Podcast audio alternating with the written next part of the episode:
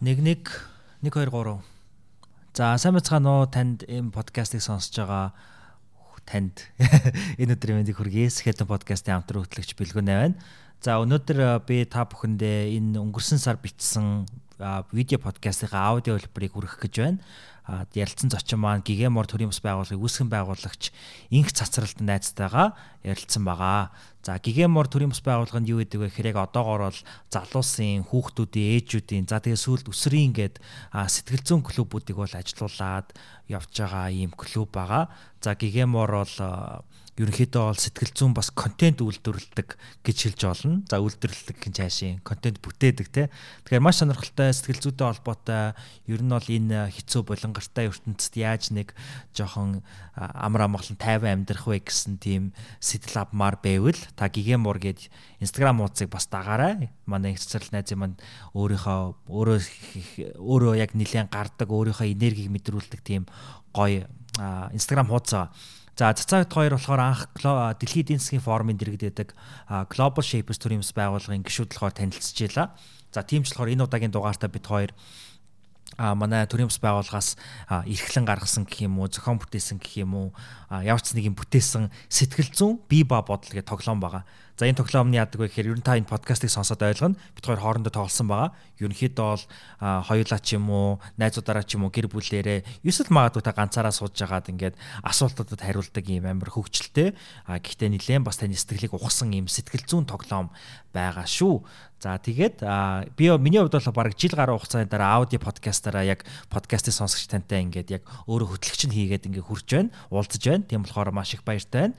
А өнгөрсөн нэг жил гаруй хугацаанд тэгвэл би юу хийж яваа гэхээр зарим нэг нь мэдж байгаа ах unknown news гэж уншиж болдог. Гэтэ ер нь бол одоо бараг бич дээр бүгдөө л unknown news гэж уншдаг болсон. Бидний мэдээний редакц байгуулад бид нар одоо нэг 10 гаруулаа ингээд ажиллаж байгаа. Тэгээд энэ бол одоо манай подкастн дээр яахын аргагүй байх ёсны зүй ёсны рекламны цаг. Тэгээд рекламны цагаа би тэр чигт нь unknown news-т зориулчлаа гэсэн үг. Та хэрэг дагдаггүй бол Instagram дээр, Facebook дээр, Twitter дээр, YouTube дээр UNNU буюу үннүү цэг news гэд хайгаад дагаарэ гэж бас хүсье. За тэгээд хэдүүлээ энэ удаагийн дугаар руугаа үсэрцгээе. За за за шууд эхлэе. За за энэ бол Skeleton podcast хөтлөгч цогт бэлгүүн дээр байна. За би подкаст хөтлөг байг бодож байна. Тэгээ өнөөдөр би цацаа найзтайгаа хамт сууж байна. А бит хоёрын чинь нэг зоригтой сууж байгаа. Мэдээч хэрэг цацааг яриулах. А гэтээ тэрнээс гадна яриулахтай бит хоёрын Global Shapers төрийн бас байгууллага байгууллагын Biba бодол гээд картыг тоглох байгаа. Тэгэхээр энэ тоглоомыг жоохон байж байгаа цацаа илүү дэлгэрэнгүй товчхон тайлбарлаж өгөх. А гэтээ подкаст маань удаан хийгдээгүй. Тэгээ Skeleton podcast-ыг би анх эхлүүлж байхдаа Нями 8 гэдэг нэг юм 8 асуултаар эхэлдэг байсан. Тэгэхээр би тэр 8 асуултаа чамаас асууна. Бас Biba бодлоос хэдэн асуулт асууна. Тэгээ ерөнхийдөө бол явах юм байгаа шүү дээ. А за тэгээд надтай хамт бит хоёроос гаднаас манай студид нэлээ олоолаа байна. Тэгэхээр манай зураглаач, найруулагч Чунаа Тэгээ манай зураглаач, видеографер Jack, тэгээ манай аудио, саунд дизайнер манлайнер байна. Тэгээд манай хэд бас асуулт масуулт дундаас нь асууж магадгүй ш. Окей. Ер нь бол нэлээд чөлөө те. Бид нар скетинг нэлээд эвдэж байгаа. Окей. Скетинг жоохон скетин биш аа. Скетин жоохон хулгай. Тэр нь бол хулгай подкаст. Зүг зүг. Би яг зүг газар л орж ирсэн юм шиг байна. За. За тэгэхээр би одоо өөрийгөө танилцуулах уу? Аа за. Шот танилцуулах. Аа, наа их зөвлөлийн их цэцэлт гэдэг. Аа Монголд өсөж төрсөн 18 нас хүртлээ. Тийм. Тэгээд шинэ нэрийн сургууль гэж байдаг. Кембрижийн хөтөлбөртэй тэнд алах сургуулаа төгссөн аа юу гадаадад сурахтаа болохоор Америк нэгдсэн улсын Minerva гэдэг их сургуульд сурсан. Манай их сургууль болохоор ерөөдөө нүүдэлчин сургууль айгүй их аялж явдаг. Яг сургууль чинь өөрөө өөрсдөө нүүдэлчин сургууль гэж хэлдэг юм уу? Эсвэл чи тэгж тодорхойлсон? Аа, би л яг тэгж яриад байгаа. Тийм. Биднээс ихтэй яг multicultural гэдэг байхгүй юу? Тэрнийхээ хувьд тэгэл олон соёлын сургууль гэж хэлдэг болохоос яг Монгол Монголын одоо нөгөө нэг лайфстайл буюу нүүдлийн явдагтай адилхан бид нар эхнийхээ жил Америк 2 дахь жилээсээ Солонгос энтер гэдэг явцдаг. Тэр сургуулийг их сэтгэл зүйч мэрэгчлэр төгссөн. Сэтгэл зүйч мэрэгчлэр одоо тэгээ ажиллааны 2 2 хагас жил болж байна. Тийм тэгээд Америкт байхдаа сая хүүхдийн театрт сэтгэл зүйн багшаар ажиллаж исэн. Тэгээд одоо Монголд ирсэн Гигемор гэдэг нэртэй тийм бас төрөмс байгууллага. Нэгээд тэгээ одоо сэтгэл зүүн сургалтууд ордог. Яг боловсруулалтын чиглэлээр сэтгэл зүйн боловсруул аа урьдчилан сэргийлэх боловсрол талтай. Тэгээд одоо охноор бас яг адилхан өмнө хүүхдүүдэд ажиллаж байсан шигээ одоо 8-аас 13 насны хүүхдүүдэд ажилдаг. Тэгээд 21-с дээш насны залуустаас ажилдаг. Тийм юм байна. Аа ер нь бол цацаагийн хийж байгаа ямиг амар цагаа олсон ч гэдэг юм уу гэж би бол боддог хгүй.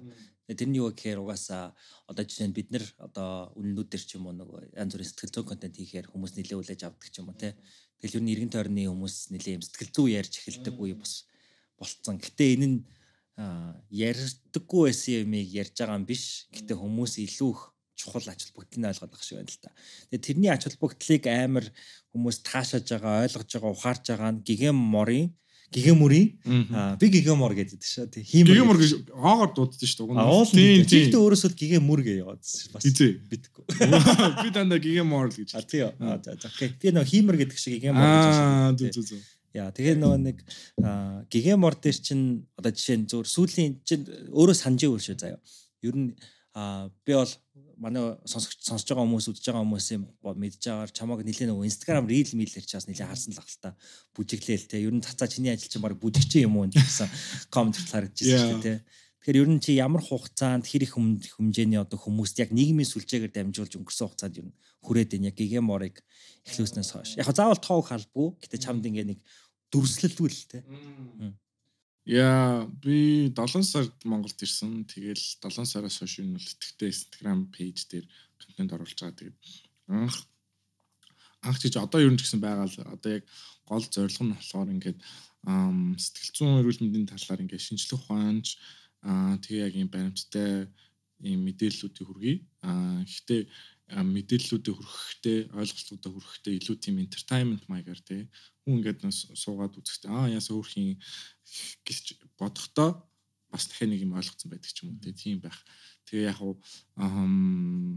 гадаадын одоо чинь Америкийн ч гэдэг юм уу тий терапистууд бас ингээд сэтгэл зүгээр сурдаг хүмүүсүүд бас өөрсдөө тийм пэйжүүд нэгдсэн явж байгаа. Миний анхны анх одоо дагж исэн сэтгэл зүйч болохоор доктор Никол Лепера гэж байдаг тийм holistic psychologist гэдэг Instagram дээр хандлан тийм баха. Holistic гэдгээ тайлбарлал юм. Аа тэр яг уу тэр нөгөө psychology-гийн л нэг төрөл нь ахгүй holistic гэдэг нь болохоор зөвхөн сэтгэл зүй гэхээсээ илүү сэтгэл зүйг ингээд бие махбодтой аа тэгээд ингээ хоолтой бүх юмтай ингэж бүтнээр нь хардаг holistic буюу ингээд том зургаар нь хардаг сэтгэл зүйн салбарыг одоо сэтгэл зүйн одоо салбар гэхээсээ илүү арга барил гэх юм уу эсвэл юм school of thought буюу нэг чиглэл нь гэсэн Тийм. Тийм л юм байлээ. Тэгээд би тэр сэтгэл зүйчийг дааж мааж байж байгаа. Тэгээ ерөнхийдөө Instagram дээр тийм одоо мэдээлэл Монголд хэрэгтэй байна гэд тэгээд эхлүүлж исэн. Тийм. Тэгээд хоёулаа болохоор анх нөгөө өмнөгээр дамжуулж нэг suicide awareness буюу нөгөө юун дээр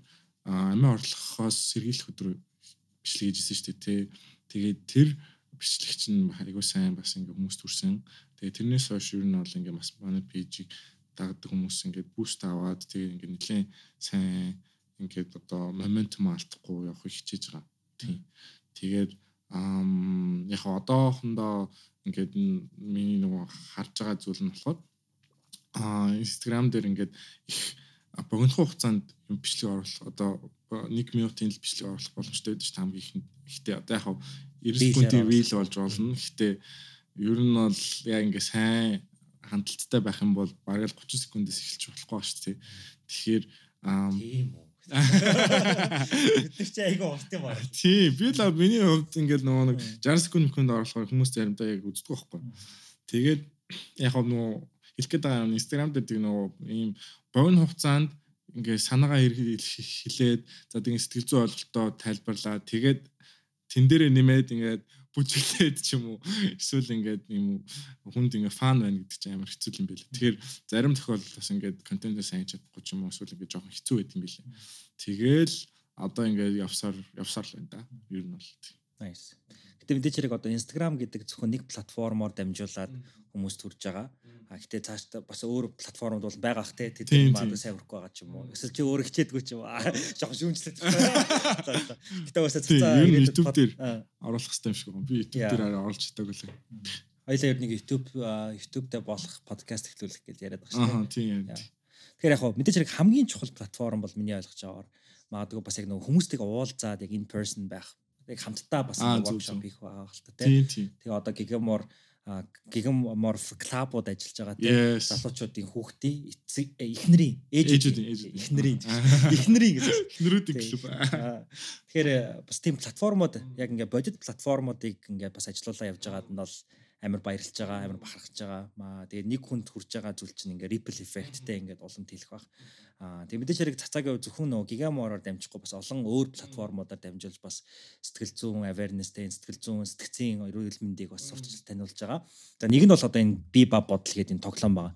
Тэгээ мэдээж хэрэг энэ тоглоомыг бол аа яг цацаа дангаараа хийгээ зарж байгаа ч юм уу юм ерөөсөө биш байгаа те.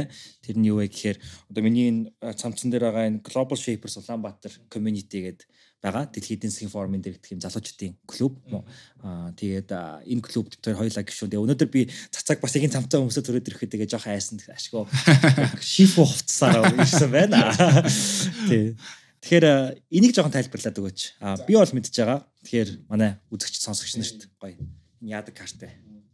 Билгүүн маань манай одоо энэ биба бодол сэтгэл зүйн эрүүл мэндийн багийн гишүүн үнтэй гишүүн аа, үн цэнтэй гишүүн. Тэгээ би цо- би зээл хамтраад юу хийж байгаа гэхээр ам энэ болохоор ингэж байгаа. Гол зорилго буюу одоо үнц одоо төгсгөлийн одоо одоо очих цэг нь болохоор хүмүүст ингээ нөгөө нэг терапи гэдэг юм уу те сэтгэл заслын эмчилгээ үйлчлэгээ за тэгээ зөвлөгөө авах цаг авах гэдэг юм уу тэр юмнуудад нь аа заримдаа айгүйх үнэтэй байдаг учраас хүмүүс яаж чаддгүй ингээд мөнгөө төлж чаддгүй те. Яагаад гэвэл маш үнэтэй тэг ингээд олон дахин цаг авч ингээд 7 хоног болгон ч юм уу тэр сэтгэл зүйн эмчтэйгээ сэтгэл заслын эмчтэйгээ уулзах хэрэгтэй байдаг болохоор. Тэгэхээр хүртээмжийг нь хэсгэхийн тулд бид нэр энэ тоглоомоос олсон ашгаа яах вэ гэхээр хүмүүст ингээд м, 50% дискаунт олгодог ч юм уу санхүүгийн дэмжлэг үзүүлээд тэр хүмүүсийг терапид ч юм уу сэтгэл заслын ямар нэгэн үйлчлэгээ авахт нь туслах чам. Тийм. Тийм одоо э, төгсгөлийн цэгийг харж хийж байгаа тийм төсөл. Тэгээ 100% ашигын бус. Тэгээд э, энийг яг бид нэр яаж тоглодог вэ гэхээр нөгөө аа тойрч сууж байгаа л найзуудтайгаа ч юм уу те хамт олонтойгоо ажлынхантайгаа эсвэл гэрийнхантайгаа тоглоод тэгээд аа асуултуудаа ингээл randomly сонгож аваад тэгээ юу ядах вэ хариулаад хариулаа явчихдаг. Тэгээд энэ бол юу гадаадд ч байдаг ер нь тиймэрхүү тоглоом одоо сая Selena Gomez-ийн нөгөө Me and My Mind гэдэг нэг тийм докюментари гарсан. Тэр докюментари дээр Selena яг ийм төрлийн ихтэй англи хэл дээр хувилбарыг нь Юу Нэр бэр нүтлэг адилхан юм биш. Харин тийм байлээ. Ямар сайн. Манай манайхыг жоо хуусан. Тэгээд бид нар одоо сүүх явж байгаа. Тийм. Зөв яг тэгвэл Instagram дээр reel хийхдээ яг me and my гэдэг дуу байгаа юм уу? Аа, би хэлэх хэрэгтэй биш. Магадгүй. Манайх ингээ Selena Gomez-аар дуу захиалгуулж Харин хийдэг. тийсэн комишн хийсэн. Аа.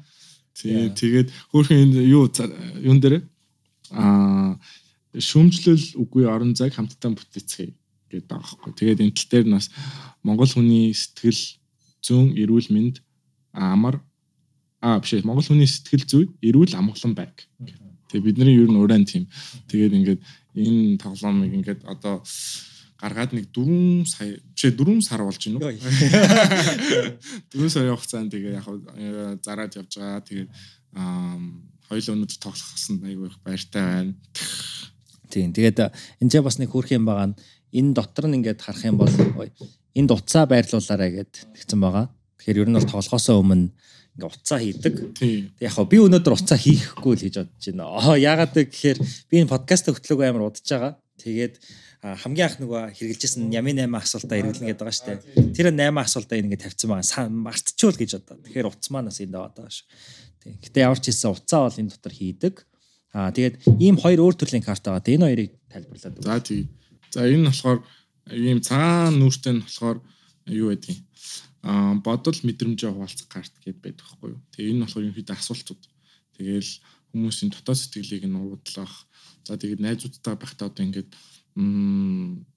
заримдаа ингээд хуваалцах чаддгүй ч юм уу хуваалцах юм сэтлэн төрдгүү зүйлсээ хуваалцахад зориултай. Тэгээд ингээд бид нэр яагаад ийм бодол мэдрэмж хуваалцах карт оруулсан бэ гэхээр сэтгэл зүүн ингээд судалгааны ажлуудыг уншаад үзэхээр угаасаа ингээд сөрөг мэдрэмж юм уу хүнд мэдрэмж за ингээд дотроо хадгалж мэдрэмжүүдэд хуваалцах нь өөрөө ингээд хүмүүсийг эмоцоор нь дамжуулж тайвшруулах тийм үр дүнтэй. Тэгээ урт хугацаанд болохоор ингээ стресс ч гэдэг юм уу сэтгэл зүйн асуудлуудаас ерөөхдөө ингээд баг байдалд өртөх те эсвэл ингээд тэр асуудлуудаас хамгаалахад тусалдаг гэсэн тийм судалгааны ажлууд байдаг. Тэгэхээр тодорхой хэмжээр бас юм шинжлэх ухааны үндэслэлтэй тийм гаргасан картууд асуултууд байгаа. За тэгээд бодол мэдрэмж хаваалцах карт гэдэг энэ байна. Энэ нь болохоор өөртөө хэлж сануулах карт гэдэг өөртөө уншиж өгдөг байхгүй. Affirmation карт. Тийм affirmation буюу одоо энэ би хайрлах хэрэгтэй гэж шүү дээ. Энд чинь болохоор ингээд өөрөө өөртөө би хайрлах хэд удаа хэлэх вэ? Хэдэн ч удаа хийж болно тийм. Тэгэл хамгийн гол нь хэлэхдээ нөө өөртөө итгэл хэрэгтэй. Тэгвэл худлагаас ингэж болох. Манай нэг найзын таньдаг хүн нь тоглол тоглосон юм байна л да. Тэгснэ ингээ уншингаад уншин яг наадах чинь за жишээ авал би хайрлах хэрэгтэй гэж уншингаад гш. Яа тэгсэн гэс ер нь ер нь бол нэг итгэхгүй байгаа байхгүй. Тий, тий. Гэж наасан ч гэсэн гэлээ юу гэлээ. Манай нэг найзаас би хайрлах хэрэгтэй гэснэ. Ой. Яа, тэр ой гэдэг чинь resistance байгаа. Аа, яг зөв. Нэг тийм цаагаараа жоохон cringe мэдрэмж төрөөд байгаа байхгүй. Гэтэ яв тэр чинь ингээл насаараа юус гэж хэлж үзээ болохоор тэгж байгаа юм л тээ. Яа яа. Тэгээ яг хөө мэдээж хэрэг ганцаараа байхдаа бас тоглож болохоор юм шиг надад санагдсан. Жишээ нь ингээ зарим картуудыг ингээд би өөрөө тоглоод үтсэн бохгүй юу. Тэгэхээр нөгөө заримдаа бас хүмүүстэй хуваалцахаас илүү бас өөртөө ярилцах орон зай. Магадгүй бас би ба бодол гэдэг картны утга учир бас байж болохоор. Аа тийм. Тийм болохоор өнөөдөр миний чамаас асуух байгаа би би асуух байгаа асуултууд болон энэ картнаас гарч ирэх асуултуудыг бас манай сонсож байгаа үдж байгаа хүмүүс өөртөөс асуугаарай тий. Тэгээд бас манай студидтайгаа гуравч гэсэн бас давхар хариулахгүй юу. Тий. Окей. За, юу яа. Би хамгийн ихнийхээ яг Skeleton podcast-ийн нэг юм уламжлалт асуултаараа эхлэе. За. За одоо чих нөгөө кринж гэдэг шиг жоохон кринж байж магадгүй. Гэтэ цацаа бол энэнд хамгийн сайн хариулах стайл хүн баг гэж бодож байна. Чих. Амар прешэр өгöd байхгүй. За зудлаад. Аа ер нь бол би нөгөө нэг ойрын өдрүүд ч гэсэн айгуу буцаагаал сэргээхийг оролдож байгаа дадал тэр нь юу вэ гэхээр өглөө болгоны талархлаар эхлэх. Яа cringe. Яа яа. Тэгээд юу яа дээ нөгөө Skeleton podcast-ыг чинь Ямин 8 гэдэг байх үед нь яг ингээд 7 хоног болго идэг. Тэгэнгүүт яг нөгөө 7 хоног болго өнгөрсөн 7 хоногоо дүгнж байгаа штэ. Тэгэнгүүт ингээд чиний хувьд одоо яг өнөөдрөөс ахуулаад нэг 7 хоногийн өмнө ч юм уу ер нь сүүлийн үед чи яг ингээд бодоод үзсэн ингээд хамгийн их талархж байгаа зүйл юу вэ гэдэг юм асуулт л. Яа би яг өчигдөр энэ уржиг дээр өвөтөгөө хоёр хонцод ирсэн. Тийм тэгээд өвөө дээр очиаг нэг 2 7 онц байсан. Манай өвөө яг бүрийн тухай хоёр хорол хатаас гараа жоохон хол байдаг. Тийм тэгээд сүүлийн үе жоохон нөгөө биеийн жоохон таархан байгаа. Тийм тэг эрүүл мэндийн асуудлуудтай болоод тахт нь би нөгөө хажууд нь байж чадаагүй. Тэгээд сая харин хоёр хонц цуг хонсон. Тэгээд өвөө зөндөө юм ярьсан сая цуг байж байхдаа одоо ингээд манай өвөө юу жолооч юм баггүй юу? Тийм одоо тэгэл яг ингээд коммунист байх үед ч юм уу те барьдгын цэргийн ангил байдаг. Тэгэл тэрний дагуу жолооч хийгээл а юу нөө хотоос гараал те 100 мод ороод 100 модоос ингээл янз бүр ийсч гэх юм шороо эсвэл чулуу өдр ачуулаад тэгэл буцаал хүрэж өгсөй гадруудаа тэр явдаг гэсэн. Тэгээд тэр талаараа сая ярьсан. Надад ярьж өгсөн. Тэгээд аюу хөөрхөн одоо өдөртөө нэг хитэн 60 төгрөг олчдөг гэсэн гэнэ үү? Тийм. Тэгээд тэр үедээ нэг сарын 20 хоног гээд үзэхээр 1200 төгрөгийн цалинтай байсан байхгүй. Тэгээ 1200 төгрөгийн цалинтай өвн 6 хүүхдэд ижсэн. Тэгээд яг тэр үед ингээд бас сайн цалин авч утсан учраас гайгүй байсан ярьж исэн. Тэгэл ингээд одоо аа талархаж байгаа зүйл нь болохоор өвтгöd ингэж өнгөрүүлж байгаа нэг тийм энгийн юу conversation буюу ингээ яриануд те тэгэл сүулт ч гэсэн ингээл яг ингээд бодоход яг өвөө тэгж хэлжсэн да ингэж хэлжсэн да гэж бодогцдог. Тэгээд хамт өнгөрүүлжсэн цагт амар баярлж байгаа. А энэ өвөөтэйгээ чи нөгөө а би ба бодол тоглоод нэг уйлсан гэж стори хийсэн байсан шүү дээ. Адилхан өвөө юу? Яг тийм тэр өвөө. Манай шинэ жилээр сая би юм Монголд ирээг удсан байсан. Тэгээд анх удаага анх удаа ч гэж яг нөлөө удаан харж харааг байж байгаа. Тэгээд шинэ жил тэмдэглэж байгаа. Тэгээд эмээ өвөө ээж аав дүү тэгээд би зургуулаад тоглоод. Тэг яг энд нэг асуулт байд юм аа нэг зүрхний гол руу орсон. Зүрхний гол руу орсон. жил. Тийм тийм асуулт тааш тавьдаг. Тэгэл бид нар юу бүгд нэр л жоохон нөгөө нэг нөлөмстэй нүдтэй байсан. Тийм. Тэгэл яг хөө гэхдээ сайн талаараа тэ нэг амар тийм би бидээ яг нөгөө асуулт нь болохоор юу байсан гэхээр тойр цугаад би бидээ магтаалын үг талархлын үг хэлээрэй гэсэн баггүй. Тийм тийм асуулт. Тэгэл манай эмигээс эхлээл өө тэгэл би нөгөө нэг коллежд диплом бичдэг шүү дээ. Тэгээ сэтгэл зүйн диплом сэтгэл миний сэтгэл зүйн диплом болохоор юуны талаар байсан юм гэхээр театр болон урлаг урлаг уран сайхан одоо энэ театрын урлагийг ашиглаж Тэр арт терапи юм шүү дээ. Тийм арт терапи дотор бүр ингээд театрын терапи, драма терапи гэж нэрлэдэг байхгүй юу? Тийм байт юм. Тэгээд тэрийг ашиглаж хэрхэн бусдаас айх сэтгэл зүйн доголдол буюу social anxiety-г эмчлэх вэ гэсэн тийм биз. Тэгээд нөгөө нэг дипломынхаа ихний нэг оршил дээр нь намайг ингээд сурах хүслийг минь бадрааж өгсөн өвөөдөө баярлалаа гэж биччихсэн байхгүй. Тэгээд тэг сая хурж ирээд Тэгээд ийм үүрхэн сэтгэл зүүн нөгөө нэг мэдлэг чадвар ашиглаад тэгээд ингээд тэ бэлгэний олон босод ингээд глобал шипэрсэн хүмүүстэй ийм гоё тоглоом гаргаад тэрийг өвөтөө тогсон ч бас яг тийм энэ бүтэн ингээд нөгөө circle бүтэн дугуй ингээд нийлж байгаа юм шиг тэ тийм мэдрэмж төрсөн. Аа social anxiety-г бусдаас айх сэтгэл зүйн доголдол гэдэг юм тийм манлаа сонссноо. Манай манлаа ийм сэтгцийн эрүүл мэндийн өвчнүүдийг чэйжлэх дуртай. Called out. Окей. А би бас энэ дээр нэг юм нэмээд хэлэхэд сая дээр нөгөө Магдалин карт гэдгсэн шүү дээ тий. А би бидээ Магдал өгдөг. Тэгээд сүүлд бид нэр одоо яг энэ бибо бодлыг мэдээж хэрэг одоо эрхлэн гаргаж байгаа гэх юм уу манай нөгөө Global Shapers-ийн яг манай одоо working group гэдэг байгаа тий. А бидний зүгээс яг альбан байгууллагууд дээр очиж воркшоп хийж эхэлж байгаа тийм. Тэгэхээр тэр воркшопнд яах вэ гэхээр яг ийм цацаа маань удирдаад мөн манай бусад одоо Global Shapers-ийн гişүүд маань удирдаад сэтгцэн эрүүл мэндийн одоо нэг воркшоп албан байгууллагуудаар хийж байгаа. Тэгээ тэрний такс нь болохоор миний ойлгож байгаагаар би ба бодлоо худалдаж авах байгаа шүү дээ. Тэрнээс яг воркшоп нь бол байгууллагууд дээр болохоор яг нэмэлт төлбөр байгаа. Байгаа. Тийм. Тэгээ бид ч даалбагтар. Тийм. Тэрнэр би яар нэг сэтгэлээ хэлгээд аа бид нар яг нэг хамгийн анхны юм туршилт гэх юм уу те тэрийг нь тэрийг нь болохоор үннүүдээр ирж цацаа болон шейперс маань ирж хийсэн. Тэгээ яг хуу мэдээж тухайн үедээ бол бид айгу гоё сэтгэлдэлтэй ингээд бутсан. Тэгэхээр яг нөгөө яг дараа нь манай ажилтнууд юу гэж хэлсэн бэ гэдг нь бол би нэг та нартай хуваалцаагүй шүү дээ. Тэгэхээр яг яг энэ мөчийг ашиглаад бас жоохон зарим ганц хоёр зүйл хуваалцчих гэж бодож чинь яг энэ асуултууд руу орохоос өмнө а ямар ч хэлсэн биднэрт хамгийн түрүүнд төрсэн сэтгэл нь болохоор яг ийм оо сэтгцэн эрүүл мэндийн воркшопыг ер нь нэг 2-7 хоногтой нэг удаа байгууллага дээр хийж явах айгу зүгээр юм байна гэж хэлсэн. А одоо манай энэ камерны ард байгаа чунаа бол burnout хийгээд байна гэсэн. Яг тэрийг айгу гоё илэрхийлсэн. Тэгээ burnout хийж байгаагаа илэрхийлсэн чинь манай редактор Лажи бас burnout хийж байгаагаа илэрхийлээд тэгээ энэ хоёр би биенийгаа ингээ burnout хийж байгаа партнерууд би биенийгаа олчж байгаа байхгүй тий. Тийм. Тэгэхээр ингээд ер нь бол нөө адилхан замаар яваад байгаа ч гэдэг юм нэг юм жоохон пейнүүдээ, өвчнүүдээ бас хуваалцж эхэлж байгаа нэг тийм байгаа юм шиг.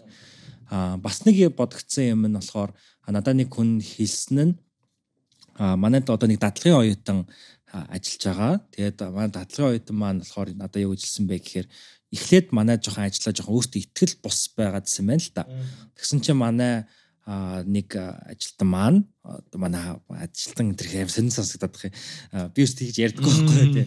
Одоо манай багийн гишүүн хамт олонны нэг хамт олонны маань нэг юм ингэж хэлж байгаа байхгүй манай нөгөө дадлагын оюутан хамт олонны маань нэгт тэрний юу гэхээр чи ингээ оюутан штэ. Чи өөр responsibilitiesтэй ингээ байгаа. Өөр үүрэг хариуцлагад хүлээж байгаа. А бид нар бол энэ чинь ингээ бүгдөө full time ажиллаад ер нь бол гэр ажил гэсэн амьдралаар амьдарч байгаа болохоор хамаагүй илүү энд ингээ цаг хугацаа зарцуулж байгаа болохоор чи шал өөр газар байгаа одоо өөр амьдралын замаар явж байгаа өөр identityтэй хүн болохоор эн чинь ингээд чи өөртөө жоох ингээд зөөлөн хандах хэрэгтэй гэдэг юмыг яг тэр workshop юу яар хэлсэн гэж байгаа байхгүй. Тэгээ тэр нь бол айгүй аа чухал байсан гэдэг чийсэн. Ер нь айгүй тусалсан гэл. Аа тэгээд яг ер нь бодоод хахад яг ингээд цацаагийн одоо workshop-оос илүүтэйгээр аа юм уу юунд бас айгүй чухал санагдсан бэ гэхээр чи нөгөө нэг яг ийм арт терапи маягийн зуруулсан шүү дээ бид нэр зуруулаад тэгээ хамгийн гол нь зуруулаад тоглоом тоглоол бие биетэйгээ интеракт хийх нь илүү бас чухал байсан байгаа санагдаад байгаа байхгүй юу Тэг ер нь бол ингээд нэг хуваалцдаггүй. Тэгэхээр цацаагийн гол үүрэг бол Shapers-ийн гол үүрэг байсан бэхээр нэг юм safe environment-ийг үүсгэсэн юм шиг. Тэгэнгүүт яг одоо бид хэд яг ингээд хоорондоо заа хэдүүлээ workshop хийх үг ингээд нэг жоохон cringe cringe гэлдэг шүү дээ тий.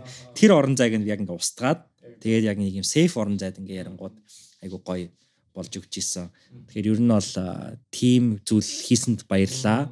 Аа Тэгээ бас альбан байгууллагуудаараа тоглолцох юм байна. Гэр бүлээрээ тоглолцох юм байна. Эмээвтэйгээ тоглолцох юм байна. Найзуудтайгаа тоглолцох юм байна. Хосоороож тоглолцох юм байна тий. Тэгэхээр би ч ганцаараа тоглолцох юм байна гэдэг шиг.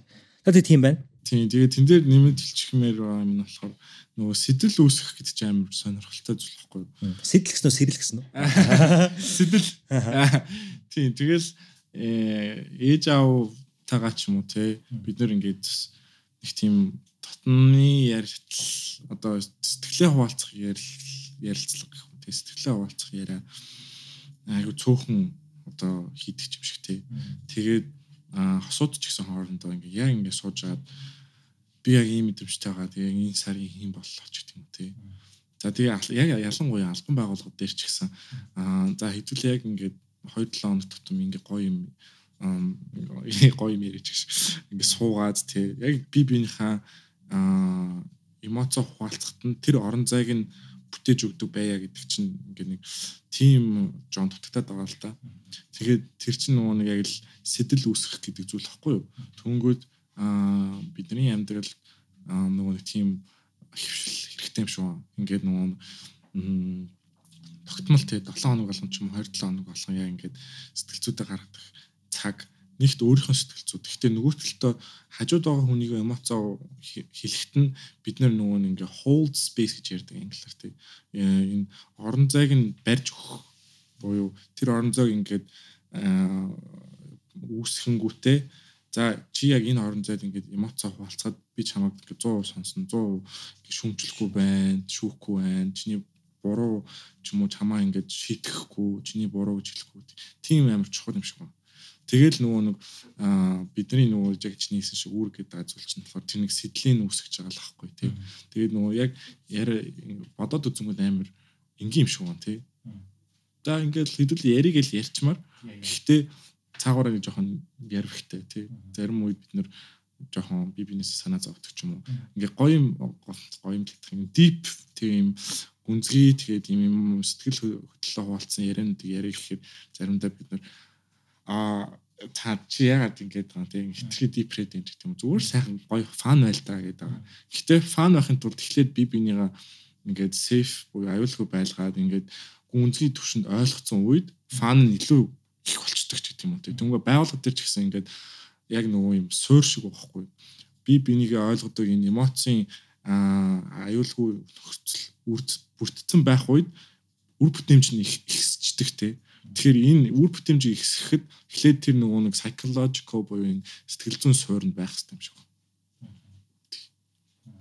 Би чамааг ингэ ярьсан чи юу бодог? Яг орон зайг ярангууд а sorry үзэгч сонсогч та. Би нэг асуулт руу орох гэж жоохон яриад байж байгаа. Гэтэ ер нь бол энэ чинь подкаст аа. Хамаагүй яриг юм бид хостинг өгцөө. Тэгээ би юу бодсон бэ гэхээр чаваа ярьж юу бодогдсон бэ гэхээр өнгөрсөн жил миний төрсөгч нас орсон.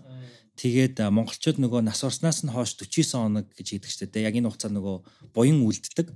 Тэг яг ингээд Монголын одоо төвдийн уламжлалт буддийн шашнаар бол буян хийнэ гэхээр жоохон нэг юм одоо юу гэдэг уламжлалт Монголын уламжлалт ойлголтуудаар бол ингээд хүүхэд баярлуулдаг, нохоо хоолдог, ном уншуулдаг, тэгээ зэд тараадаг, ном хуруулдаг гэл аяга олон юмнууд байгаа штэ. А тэгээ би өөрөө яг ингээд за тэгвэл яг тэр үед ингээд амар сонио би яг ямар төрлийн шашинтай байлаа гэдгээ хүн яг ийм ажил явдлын үеэр их бодд юм л. Тэгээ би яг ингээд бодонгууд би яг ийм төвдийн буддист хүн. Би одоо өөрийгөө буддист гэж нэг хэлэхгүй Гэхдээ л одоо бид нэр бүгдөө л нөгөө манай аав ээж буддист, эмээ өвөө буддист хор ингээл нөгөө яхааргүй буддист болоод байгаа ч юм уу те. Гэтэ яг ингээ миний хар ингээ би төвдийн буддист бас биш байгаа даа. Эсвэл нэг юм Монголын онцлогтой төвд буддист ч юм уу. Тэгээ яг би ингээд YouTube-ээс буян яаж хийх үү гэж жоохон англи англиар хайж байгаа байхгүй юу. Тэгсэн чинь яг ингээд буддагийн сургаалаар гэсэн баха. Ер нь буддагийн сургаал байгаа л да. Тэрэн дээр юу гэхээр хүн бясалгах өөрөө ингээд буян гэдгийг тайлбарлаж байгаа байхгүй юу. Тэгээ яг яагаад бясалгах буян бэ гэдгийг тэгээ жоохон ингээд тайлбарлангууд А тэр үед та муу хүн, муу бодохгүй, муу үг хэлэхгүй, муу юм санахгүй, муу юм үйлдэхгүй. Тэгэл нөгөө буддын шинд байдаг муу юмнуудыг хийхгүй. Учираас та бясалгаж байгаа учраас энэ өөрөө буян гэдэг гэж аахгүй. Тэгээ нөгөө 49 хоногийн човд ингээ буян урааж агаад бурхандаа ингээ залбирд юм байл л тэ би одоо ийм буян хураалаа тэгээ ингээ буйнаа өргөн барьж байна гэд. Тэгээд тэрэн дээр бас нэг амар гоё санагдсан зүйл айгу практикал зөвлөгөө нь юу байсан бэ гэхээр хүн бясалгах орчинг өөртөө бий болгох ёстой гэж ярьж байгаа байхгүй юу. Тийм. Тэгэнгүүт бас айгүй make sense те. Одоо ингээл манчшир хийд дээр очингууд ч юм уу ариабал хийд дээр саяхан хоёлаа ариабал хийд дээр таарсан шүү дээ те. Тэгэхээр тийч нэг бясалгадаг нэг юм хэсэг мэсэг бас байж шүү дээ те. Тийм. Тэгэхээр чи яг тэр чинь өөрөө бясалгалын сүм хийд гэж байгаа бах те. Тэр нэг юм орчинд очиж бясалгаад өөртөө тэр орчин бий болгоно гэдэг нь бас нэг юм буян гэл гэж байгаа байхгүй. Тэгэхээр яг ер нь бол ийм орон зай гэдэг зүйлийг ерөөсөө бид нэр айгүй юм давж харж болохгүй юм шиг байна. Айгүй юм орхидуулж тий. Ер нь өөртөө орон зайг бий болгох хэрэгтэй. Одоо жишээ нь яг энэ подкастын орон зай бол манай одоо видеографер Чунагийн толгой дотор айгүй удаан явж исэн орон зай байгаа байхгүй тий.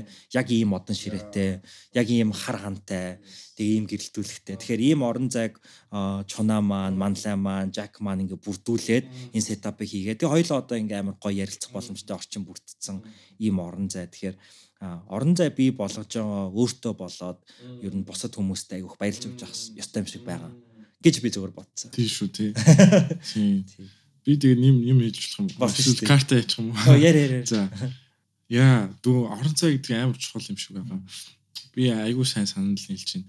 Яагаад гэвэл яг би нөө ам юу дипломын ажлыг бичиж байхад drama therapy гэдэг зүйл буюу одоо ингээд театрын урлагаар сэтгэл зүг хангах гэдэг аргачлал байгаа шүү дээ энэ чинь бас амар орон зай амар хамаатай байдаг байхгүй. Өөрөөр хэлбэл энд юу гэж ямар ойлголт байдаг вэ гэхээр 90% орон зай үүсгэх гэдэг ойлголт байдаг. Тэр нь болохоор бид нар өдөр тутмын амьдралаасаа тусдаа тэгээ нэг тийм онцгой тэгээ тийм 90% орон зай үүсгэх нь маш чухал. Тэр орон зай дотор бид нар өөрсдийнхөө дүрмийг бүтээгээд тэгээд тэр дотроо experiment буюу туршилтууд хийх. Тэгээд шин зүйл сурах боломжтой болдог гэсэн тийм одоо ойлголт байдаг хгүй. Өөрөөр хэлбэл бид нар ингээл 9 to 5 буюу ингээл өглөө 9-с 5-ын хооронд ажиллаад өдөр тутамдаа ингээ хийдэг зүйлээсээ хийдэг боловч тэр зүйлсээс гараад яг нэг хэмнэлийг эвдсэн нэг газар ч юм уу нэг орон зайд оронгууд яадаг вэ гэхээр аа шин identity үүсгэх боломжтой болдог ойлгож байна тий. Өөрөөр хэлбэл та өдөр тутамдаа сайн ээж эсвэл өдөр тутамдаа ингээл амар завгүй ажилчин ажлын байрны захиралч юм уу тий. Аа тэнгүүд тэр маш олон дөрүүдийг тоглож байгаа шүү дээ. Тэнгүүд аа ер бусын орон зайдаа оронгууд тэр дөрүүдээ хаяад тэгээд ингээ хүүхч шиг айшлах хөрчлөөтэй мэдрэмж авах тэг шин зан авир үсгэх чаавал тэрийг үсгэх боломжтой байдаг хгүй. Энийг тэгээ би юун дээр ашигладаг гэхээр нөгөө сэтгэл зүйн клуб дээр ашигладаг. Би яг бодож. Тийм. Ялангуяа хүүхдүүдэд амар чухал. Аа хүүхдүүдэд нөгөө нэг ийм аюулгүй гэдгийг мэдрэгддэг те. За ингээд чи хэдүүлээ одоо гоё тоглоом тоглоноо гэдэг чинь ингээд ерөөсөө орон зай үүсгэж байгаа байхгүй. Хэдүүлээ одоо тоглоом тоглоноо. Хэдүүлээ бол бүжиглсэн шүү дээ. Тийм, яг зөв. Тэгээ бүжиглэх ч юм уу янз бүрийн тийм шин шин зүйлсүүдийг оруулах боломжтой. Тэнгүүд хүүхдүүдтэй за одоо ингээд хэдүүлээ амтан болёо тий ингээд та нар яг ингээд бар шиг хөдлөөрөө ч гэдэг юм уу тэгээ бар бар ямар байдаг лээ. Аа хүчтэй тий өөртөө ихтэй тэгээ ингээд ийм бусдыг дагуулах чадвартай ч гэдэг юм тий ийм баруудын шинжүүдийг та нар одоо харуулна шүү гингүүд тэр хүмүүс ингээл ингээл тодорхой хэмжээгээр аа гэдэг ч юм уу тий гэхдээ ингээд яг өдөр тутмын ингээд юу ч ярьдаг хүүхд байж болно шүү тий амар дуугаа тэг ярихтаа оо түү түү ингэж ярьдаг. Гэхдээ яг тэр нөгөө Европс юу аранзад оронгуудаа өөрийгөө эвдлээд аа гэдэг байхгүй. Төнгөө тэр чинь нөгөө нэг шинэ identity үүсгэх, өөрийнхөө хүссэн хүн болж болох боломжийг олгож байгаа гэсэн. Тэгэхээр нөгөө өдөр тутамдаа бид нар ингээд нэг хайрцаглалтанд ороод дүр дүр багтаал тэгээд нэг юм аа би ингээд ярьж чад болохгүй гэдэг ч юм уу тийм дүрм дүрмтэй амьдэрдэг байхгүй тэр хүүхд.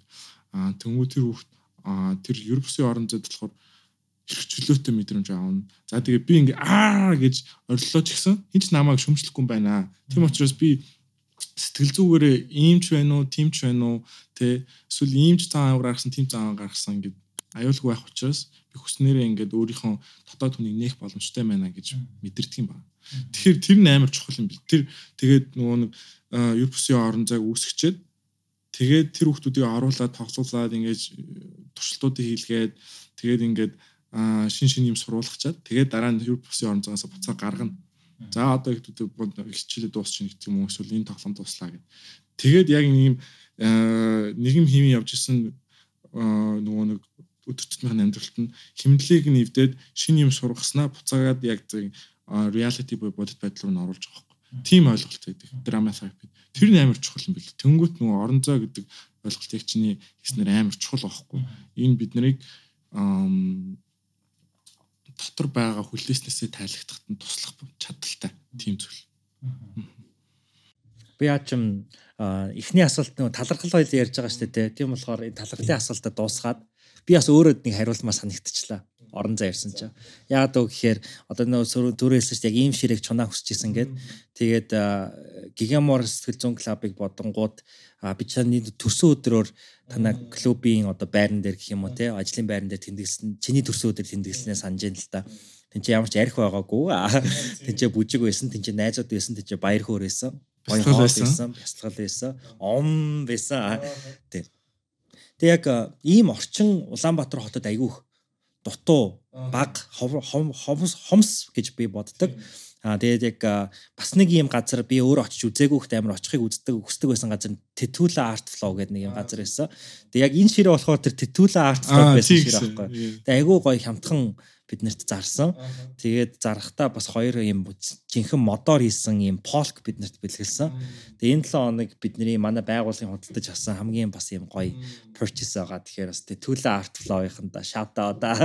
Ийм санагдлаа. Тэгээд бид нар бас хийнэ гэж ярьж ирсэн. Тэгээд боломжийг ашиглаж яагаад тэгэхээр яг л нэг орон зай ярьж байгаа учраас тий одоо энэ ширээ ч гэсэн айгүй чухал орон зай байхгүй. Энэ epoxy гэдэг зүйлийг ингээд голдон шахдаг гинэ. Энийг өнөөдөр манай Jack надад ярьж өгч байгаа. Баахан TikTok гардыг штэ мардыг штэ гэл. Тэгээ удахгүй нэг улам гоё олгоол улам гоё л орон зай бичих байх тий. Тэгээ тэрнд баярлаа гэж хэлмээр байна тий. Окей, хоёлаа картууд руу орох. За, эхний картыг чи суулчих. Дараагийнх нь би суулгаж чамаар яриулъя.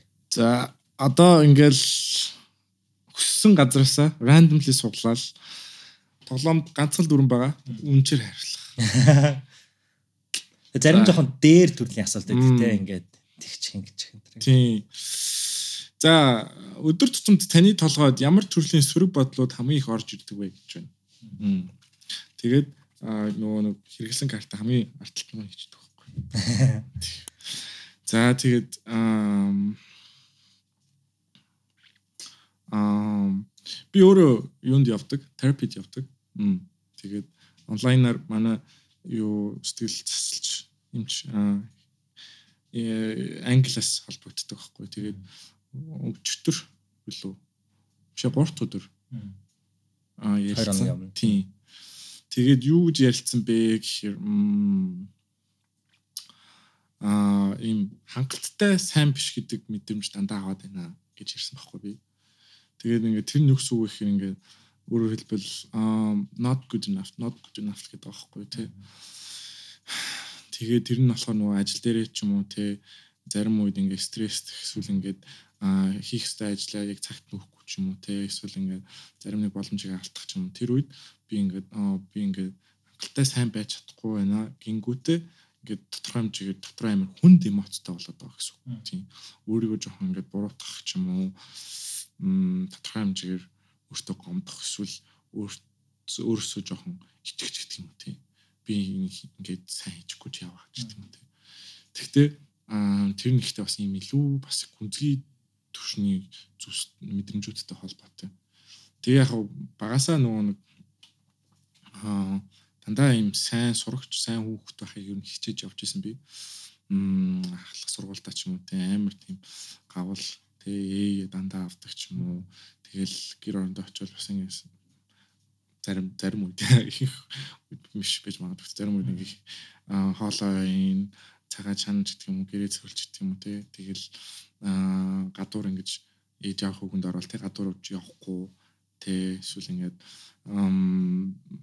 яа ингээ өмөлөхгүй дими тэндэг үү тийм дими тэндэг үү тийм чойрдгүй ч юм уу тэгээд тиймэрхүү байсан. Тэгээд аа нөгөө нэг дандаа юм сайн байхыг хүсэж төсдөг байсан учраас одоо нөгөө сайн байж чадахгүй ч гэдэм. Өөрийнхөө өөрөө өөртөө тавьсан стандарт төрөх болохоор амар сэтгэл санаагаар унаад байгаа гэдгийг өчтөр ярьж л ойлголоо л тоо. Тийм тэгээд ингээд өөртөө тавьдаг юм стандарт нь ингээ хизээч одоо хүрхээргүй тийм өндөр стандарт байдаг ч юм уу. Би өөрөө өөртөө за цацаа чи яг ийм байх хэрэгтэй гэдэг стандарт нь амар өндөр учраас би хизээч тэнд хүрэхгүй. Тэгээ хүрэхгүй байгаадаа уг нь бол ингээл заавал зоох шаардлагагүй шүү дээ тий. Стэн өндөр стандарт тавьж болно. Тэгээд тэрэндээ хүрэхгүй байж болно. Тэгээд тэрийгэ хараад ха ха ха ха ха би өстө гой фейл гэж шүү гэж тий. Уг нь бол тийм хөнгөнөр хүлэн зөвшөөрж болох дээ тий. Гэтэл би болохоор ингээд тэр нь хүрэхгүй байгаадаа ямар ягт гаргаад байна вэ гэхээр амар л тийм хүнд ягт гаргаад байна л да гэж бодсон. Тийм сөрөг бодлууд ер нь бол толгойд минь хэлхийг эргэлдэж байна ойр үед. Сэтгэл зүйч хүн тэгэхээр өөрөө сэтгэл засалч дээр бас явж шүү манайхаа. Тийм шүү. Тэр бол Америкт бол угаасаа хуулиараа тэгдэг байхгүй. Сэтгэл засалч бол өөрөө сэтгэл засалч дээр явах хэрэгтэй байдаг. Аа арга бах тий айгүйх бас олон хүний сэтгэлийн зовлон янз бүрийн юм сонсож байгаа тий. Тийм шүү. Тэгээ чамд буцаагаад одоо өгсөн зөвлөгөөч гэдэг юм уус л чиний авах хэвээр алхмууд юу байна одоо энэ тохиолдолд? Манай сэтгэл засчийн надад ийм даалгавар өгсөн. Аа одоо ингээд сөрөг эмоц ч юм уу за сөрөг бодлууд ингээд эргэлдээд тэг нэг тийм циклд орчдөг шүү дээ ингээд ийм гарах боломжгүй ийм эргүүлэх дотор орчод ах юм бол аа өөрөөсөө асуух асуулт гэхээр дөрвөн асуулт өгсөн. Эхнийх нь болохоор энэ бодол үнэн бодлоо гэж байгаа байхгүй. Тийм. Is it actually true буюу энэ яг яг үнийн бодоод энэ эсвэл зүгээр хуурамчин бодоод ингээс зүгээр төсөөлөлт энэ. Аа хоёр дахь нь болохоор энийг хэдэн хувь үнийн бэ? Үнийн бол 100% үнэн үү? Эсвэл зүгээр аа maybe нэг 50% үнэн тий. Тэгээ гурав дахь нь болохоор чи энэ мэдрэмжийг аа биш энэ бодлыг бодоход ямар мэдрэмж чамд төрж байна вэ? Тэгээд дөрөвт нь болохоор чи энэ бодол бодлыг бодсноороо аа чамд ингээд чиний амьдралд чинь тусалж байна уу? Тийм. Тэгээд тийм дөрвөн асуулт л өөрөөсөө асууж байгаа гэсэн л дээ. Тэг яг аа миний бодлоор яг юу руу ингээд намайг чиглүүлэх гэдэг нь гэхээр нөгөө нэг зарим бодлууд ер нь бол худлаа бодлууд байдаг гэдэг шиг. Тийм байхгүй. Одоо нөгөө anxiety is lying to you гэж зөндөө ихэлтэлтэй хүмүүс. Өөрөөр хэлбэл таны сэтгэл зовоод байгаа зүйл чинь танд худлаа яриад байна шүү дээ гэж байгаа байхгүй. Өөрөөр хэлбэл бид нэр энэ партид очоод тэгээд энд ийм хийх юм бол намайг хүмүүс амар жаачлах бах та гэж байгаа байхгүй. Гэхдээ яг очоод хийнгүүт хүмүүс ерөөсөө анхаарал хандуулдаг. Яг бол биднийг нэг юм жаажилтгүй л байгаа байхгүй. Хүмүүс ер нь өөрсдийн талаар бодоод яваад байдаг. Тэгэл би нэг амар тэнд очивол нэг ганцхан юм хийсэн чинь хүн болон намайг харснаа цацаа яст тэнийг юм тийм аа гэж бод бодог л байгаа. Би зөвхөн зүгээр миний толгой дотор л тийм бодол эргэлцсэн. Тэгэхээр нөгөө сэтгэл төвшөлж гэдэг юм уу сэтгэл зовнол ихэнхдээ биднэрт ингээд худлаа гэх юм төсөөллийн юмнууд л итгүүлэх гээд байдаг. Тэрийг нь л сайн харж ах хэрэгтэй. Тэгэхээр нөгөө бодолдоо итгэнгүүтээ би тэнэг хүн гэж бодонгот өө би тэнэг хүн гэж шууд итгэчихээр нөгөө болохгүй болчтой л та. Тийм л юм шиг байна. Би л тэгж ойлгосон сэтгэл засалж байгаа хэлж өгсөн дасгалыг. За баярлалаа хаалцсанд. Аа сая цацаа нөгөө 10 жилдээ ямар хүүхэд байснаа товчхон бас ярьлаа шүү дээ тий.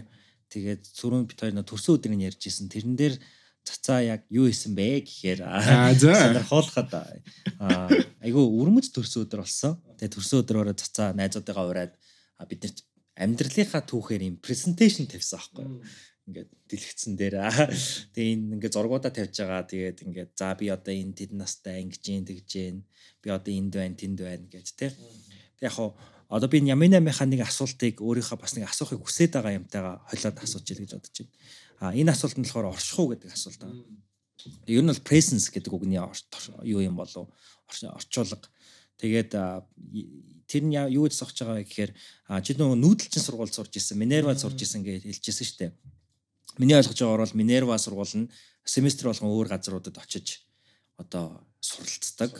Тэгэнгүүтээ ягаад ч юм чиний амьдралыг бас ингэ сонсонгууд чи жоохон сургуулийнхаа хөтөлбөрөөс гадуур энэ тэнд бас явцсан л юм шиг л ойлгогдсон зүг үү те. Окей. А гэтээ яг хөө тэр асуулт нэг тэрэндээ чухал биш.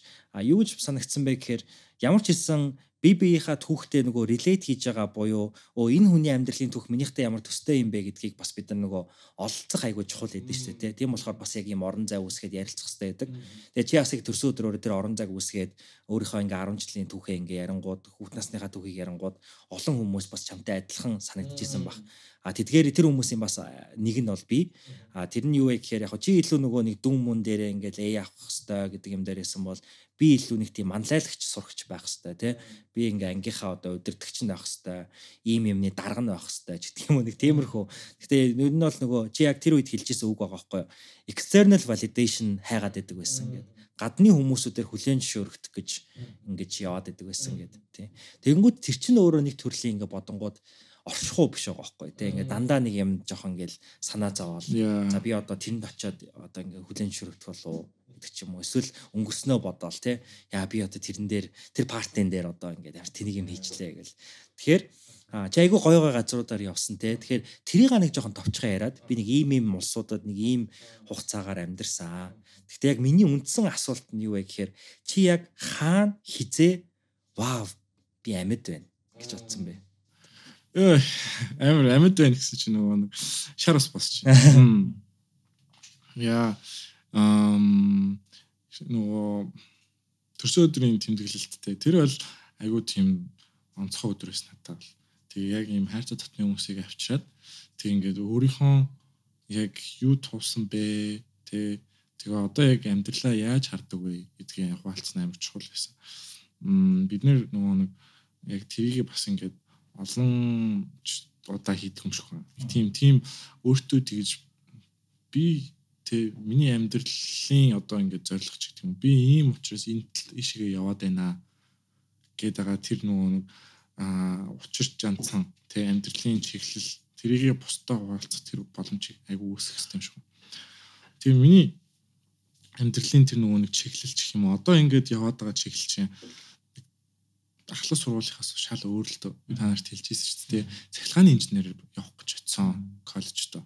Тэр үед болохоор аа яг л үнэхээр гадны тэр нөгөө хүмүүсийн хүлээн зөвшөөрлтийг авах гээд байсан.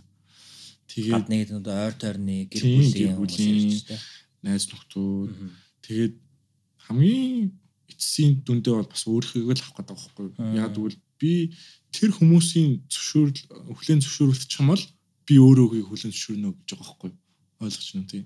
Тэгэхээр нөгөө тэр хүмүүсийн тэр хүмүүс намайг надад зөвшөөрөл өгч байгаа гэсэн үг өөрөө шүү.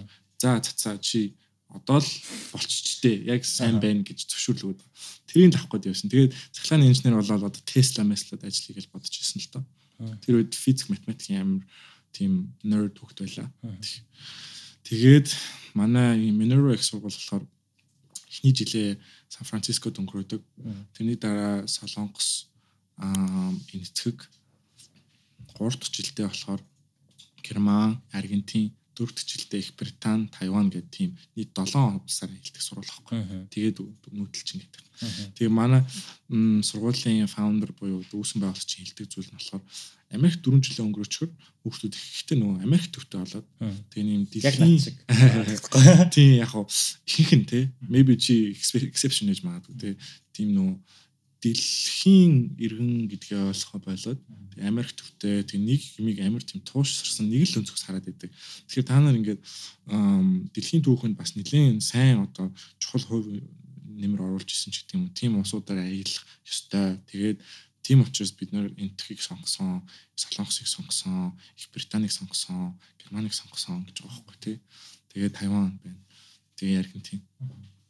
Тэгээд за би яг хав товчхон ярихад нөгөө эхний жилдээ ерөнхийдөө бол сэтгэл зүйн асуудлуудтай тулгарч ирсэн. Яг ганцаараа анх удаа Америкт очоод Тэгээ 18 таагаа хэд таа. Тийм 18 таа тэр үед. Тэгэл Монголоос өмнө нь ерөөсө ганцаараа тэгээ удаан хугацаагаар гадаадд амьдарч үзээгүй шүү дээ. Тэгэл эхнийхээ өдөр шууд нөгөө нэг төрөвчийн алга болгоол. Тэгэл сагөө иддэг. Тий. Тэгэл ингээл нэг сар барыг нэг нэг нөгөө нэг дахианы гуй гойч бишээ. Дахианы мүч тэгээ нэг нэг сонгон тэгээ нэг төмсөөл амьдэрсэн. Ер нь бол тийм тийм тохиолдсон нусаа хацартай наасан гэр нь. Тэгээд би өөрөө болсон тодорхой хэмжээгээр social anxiety буюу олон нийтээс айх тийм sensitivity байсан байхгүй? Сэтгэл зовнилтой амар их. Хүмүүсээс ингээд юу гэж бодож холлоо. Би ингээд хилчүүл намайг өстө тэнэг бүтлгүү лүүзер тийм бүтлгүү хүн байна гэж бодож хуйдаг. Амар хайдаг. Тэгээд хоёрт эхний жил ер нь бол айгүйх тийм том том асуултууд асуусан эхнээсээ.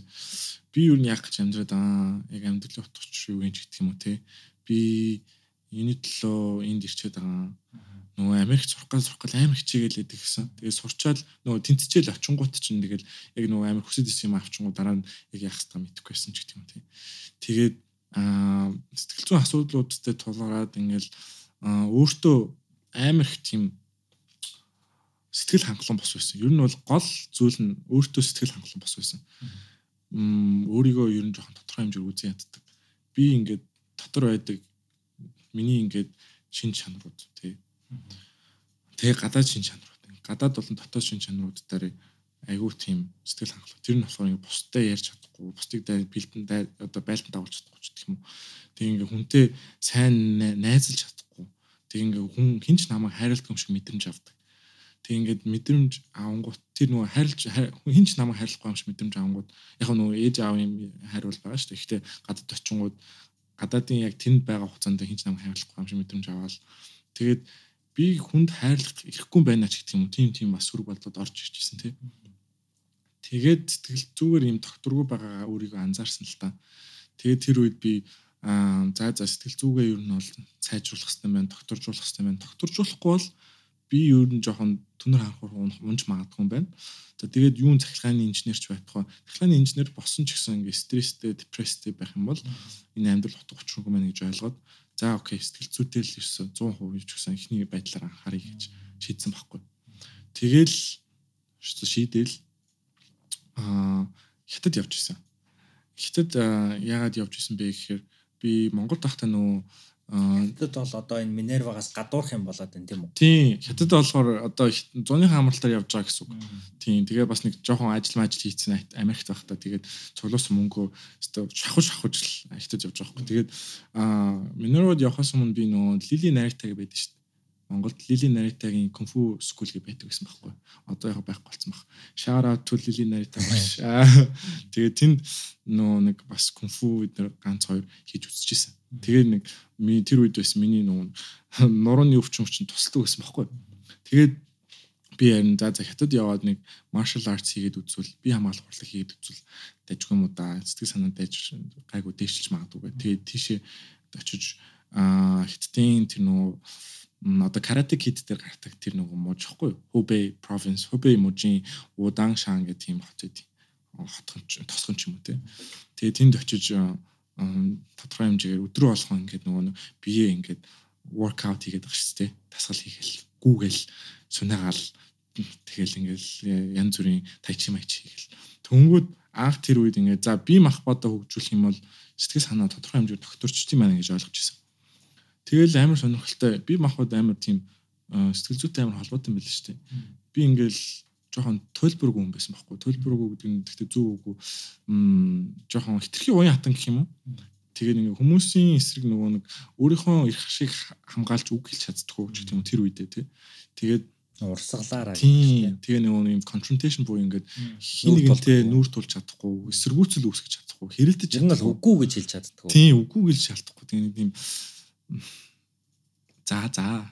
Гэл те эсвэл за яах вэ ч гэдэг юм дэ. Янз бүрийн хүн ингээл ёо муу муу ч гэдэг юм уу? Намайг оромжлох за яах вэ ч гэдэг тэгэл тэгээд тэрийг бас ингээ анзаарсан юм. Миний бие махбод бас ингээ ийм өвдөл даах чадвар амар бага байсан юм шиг. Тэгээ очиж нөгөө ингээл өдөр болгон сунаагаал янз бүрийн ингээ цогтөг мөхтөг юм хийгээл бангууд амар амархан ядардаг. Тэг ингээд өвдөлтөөсөө амар ингээд гүүгээд идэгсэн байхгүй төнгүүд ингээд тэсвэрээ ингээд жоохон жоохноор ихсэж байгаа шүү дээ. Өвдөлтөх чадвараа ихсгээл Тэгэл манай багш чинь одоо ингээл нэг намайг юм тайжи гээл юм поз баг нэг цаг байрал зогсоолчдаг. Тэгээ тэр тэр үед ингээл өөртөө хэлдэг байсан юм болохоор өвдөлт гэдэг бол төр зурих. Тэгээд бас өвдөлтийг эсэргүүцэж байгаа байдал нь чамайг зоож байгаа. Аа энийг хүлэн зөвшөөрөөд чиний өөрийнхөө нэг хэсэг гэж бодох юм бол actually тийм ч муу зүйл биш гэд тэгээд тэр үед ингээд за сэтгэл зүй миний сэтгэл зүй ингээд жоохон докторгүй байсан өөрийнхөө бас бие махбодыг жоон тодорхой байсан тэл холбоотой юм гэж ойлгож ирсэн байхгүй. Тэгээд тэгээд тэрний дараа ерөнхийдөө бол ингээд солонгост очсон. Солонгост очиод би стожикэн өдөр болгон нөө тайчгаа хийжсэн. Тэгэхгүй бол яг л жоохон стресст гэл жоохон депресст гэлсэн. Солонгост байхдаа ч гэсэн сургуулийнхаа нөгөө их сургуулаараа дамжуулж бас сэтгэл засал дээр явдаг байсан л та би. Тэгээд одоо ингээд ботход ингээд өдөр болгон тийм бас тодорхой хэмжээс эхлэх баттай тэгээд нэг воркаут хийж байгаа сэтгэл зүйд амар сайн нөлөөлж ирсэн шүү. Тэгээд солонгост хийсэн ихтэй миний хамгийн том халам болохоор өөртөө хайртай гэж хэлж сурсан. Тэгээд бас ингээд өөрийгөө ойлуулж сурсан. Нөө өмнө болохоор ингээд ойлж чаддаг байсан юм хэд бол би ингээд reel нэг Instagram дээр оруулсан бичсэнтэй хэлдэг. Ахлах сургалтаа болохоор ингээд 0-д орж аваад төгжж аваад тэг гараараа ингээд хаан цохоод тэгээд нөө энэ э, ясан дээр авч байгаа өвдөлтөө ингээд дийлж чадахгүй бангууд өвдөлтөө ашиглаж тэрнгээрээ уйлаад өөрийгөө тайвшруулах гэсэн байхгүй. Тэр бол айгүй тийм муул эрүүл босол арга л та тийм. Тэгээд солонгост болохоор би яатсан бэхээр ингээд дотор байгаа өвдөлтүүдтэй ингээд жоохон нүүр тулаад гэх юм тийм ингээд хэцүү байгаа зүйлсээ бодоод ч юм тэгээд нулимсаа ингээд гаргаж сурсан. Тэр амар хэрэгтэйсэн. Яа тэгвэл нулимс гарахгүй бол айгүй дотор ингээд бүглэрүү дэлбэрэх гэдэг юм шиг санагддаг байсан байхгүй. Тэгээ нэг тийм тайвшрах юм хэрэгтэй байгаа. Тэгээд нулимсаа гаргаж өөртөө өөртөө өөрийгөө жоохон ингээд аргадаж их юм уу тэг сурсан. Тэгээд манай сургуулийн нөгөө дотор байр намсан парк гэдэг юм намсан уулын биэлдэг гэхгүй. Тэгэл нөгөө лоу цамхаг, хайрын цамхагтай мөн мөн тийм хүмүүс очиж нөгөө ийм лок тий түгжээ мөгжөө цоож яадаг тийгдэг тийм цамхаг. Тэгээ тэрний парк дээр нь би нэг ингээд сэтгэл санаагаар унсуу юм үедээ тэг шүн хамаагүй баг л 11 минут цаг багцаар. Гүүж очиол тэгэл ингээл жоохон уйлах юм бол уйлал эсвэл ингээл тэгчин тэгэлээ бас жоохон драматик штэ. Хотыг харж мараал цацаа сараяо цацаа. Энэ Тайван класс шүү дээ кино. Тийм баг Тайван классаар юм би юус үзэж байгаа гэхдээ тийм тийм байж магадгүй. Тэгээд би анх удаага цацаа би ч юм таартай гэж өөртөө хэлж үзчихсэн тэр үед. Тэгээ анх тэгж хэлэхэд бол Джон Кринч л тийм байлээ. Яа дүү ой гэсэн. Харин тий. Цацаа биш таартай ой. Тий тий. Хийснэ балаар идэж тийм үү тий Тэгэл анх удаа л тэгж хэлж байгаа. Гэтэ тэр чинь нөгөө нэг бараг л 18 жил 19 жил ерөөсөө тэгж өөр өөртөө хэлж үзээгүй байхгүй. Тэгэл хайр гэдэг зүйлийг ээж аваас ч юм уу л авдаг л байсан л эмээ үгс ч юм уу. Тэг өөрөөсөө дотроосоо өөр өөртөө хайр өгдөг гэсэн тийм ойлголтыг ерөөсөө ойлгоогүй. Тэгээд тэг анх удаа тэгж хэлж яхад ер нь бол жоохон тавирдсан байлээ. Би тавираал гэх нэг дотор ингээд дулаах мэдрэмж төрж эхэлдэг. Тэгээд ингээд би ерөөсөө өөрөө өөрийнхөө төлөө тэмцэж байгаа гэдгийг л амар ойлгосон. Сэтгэл зүйдээ ингээд анхаарах гал те хятад яваал, солонгос яваал тэгэл өдрөлгөн воркаут хийгээл өөрийгөө уйлуулаад аргадаа л байгаа нь би өөрийгөө хайрлаж байгаа юм байна гэсэн үг. Тэгээд би өөрийгөө хайрлаад байгаа гэдгийг ойлгоод энийг хэлэхэд яах вэ? Би усал хийж байгаа зүйл юм чинь те гэж бодсон.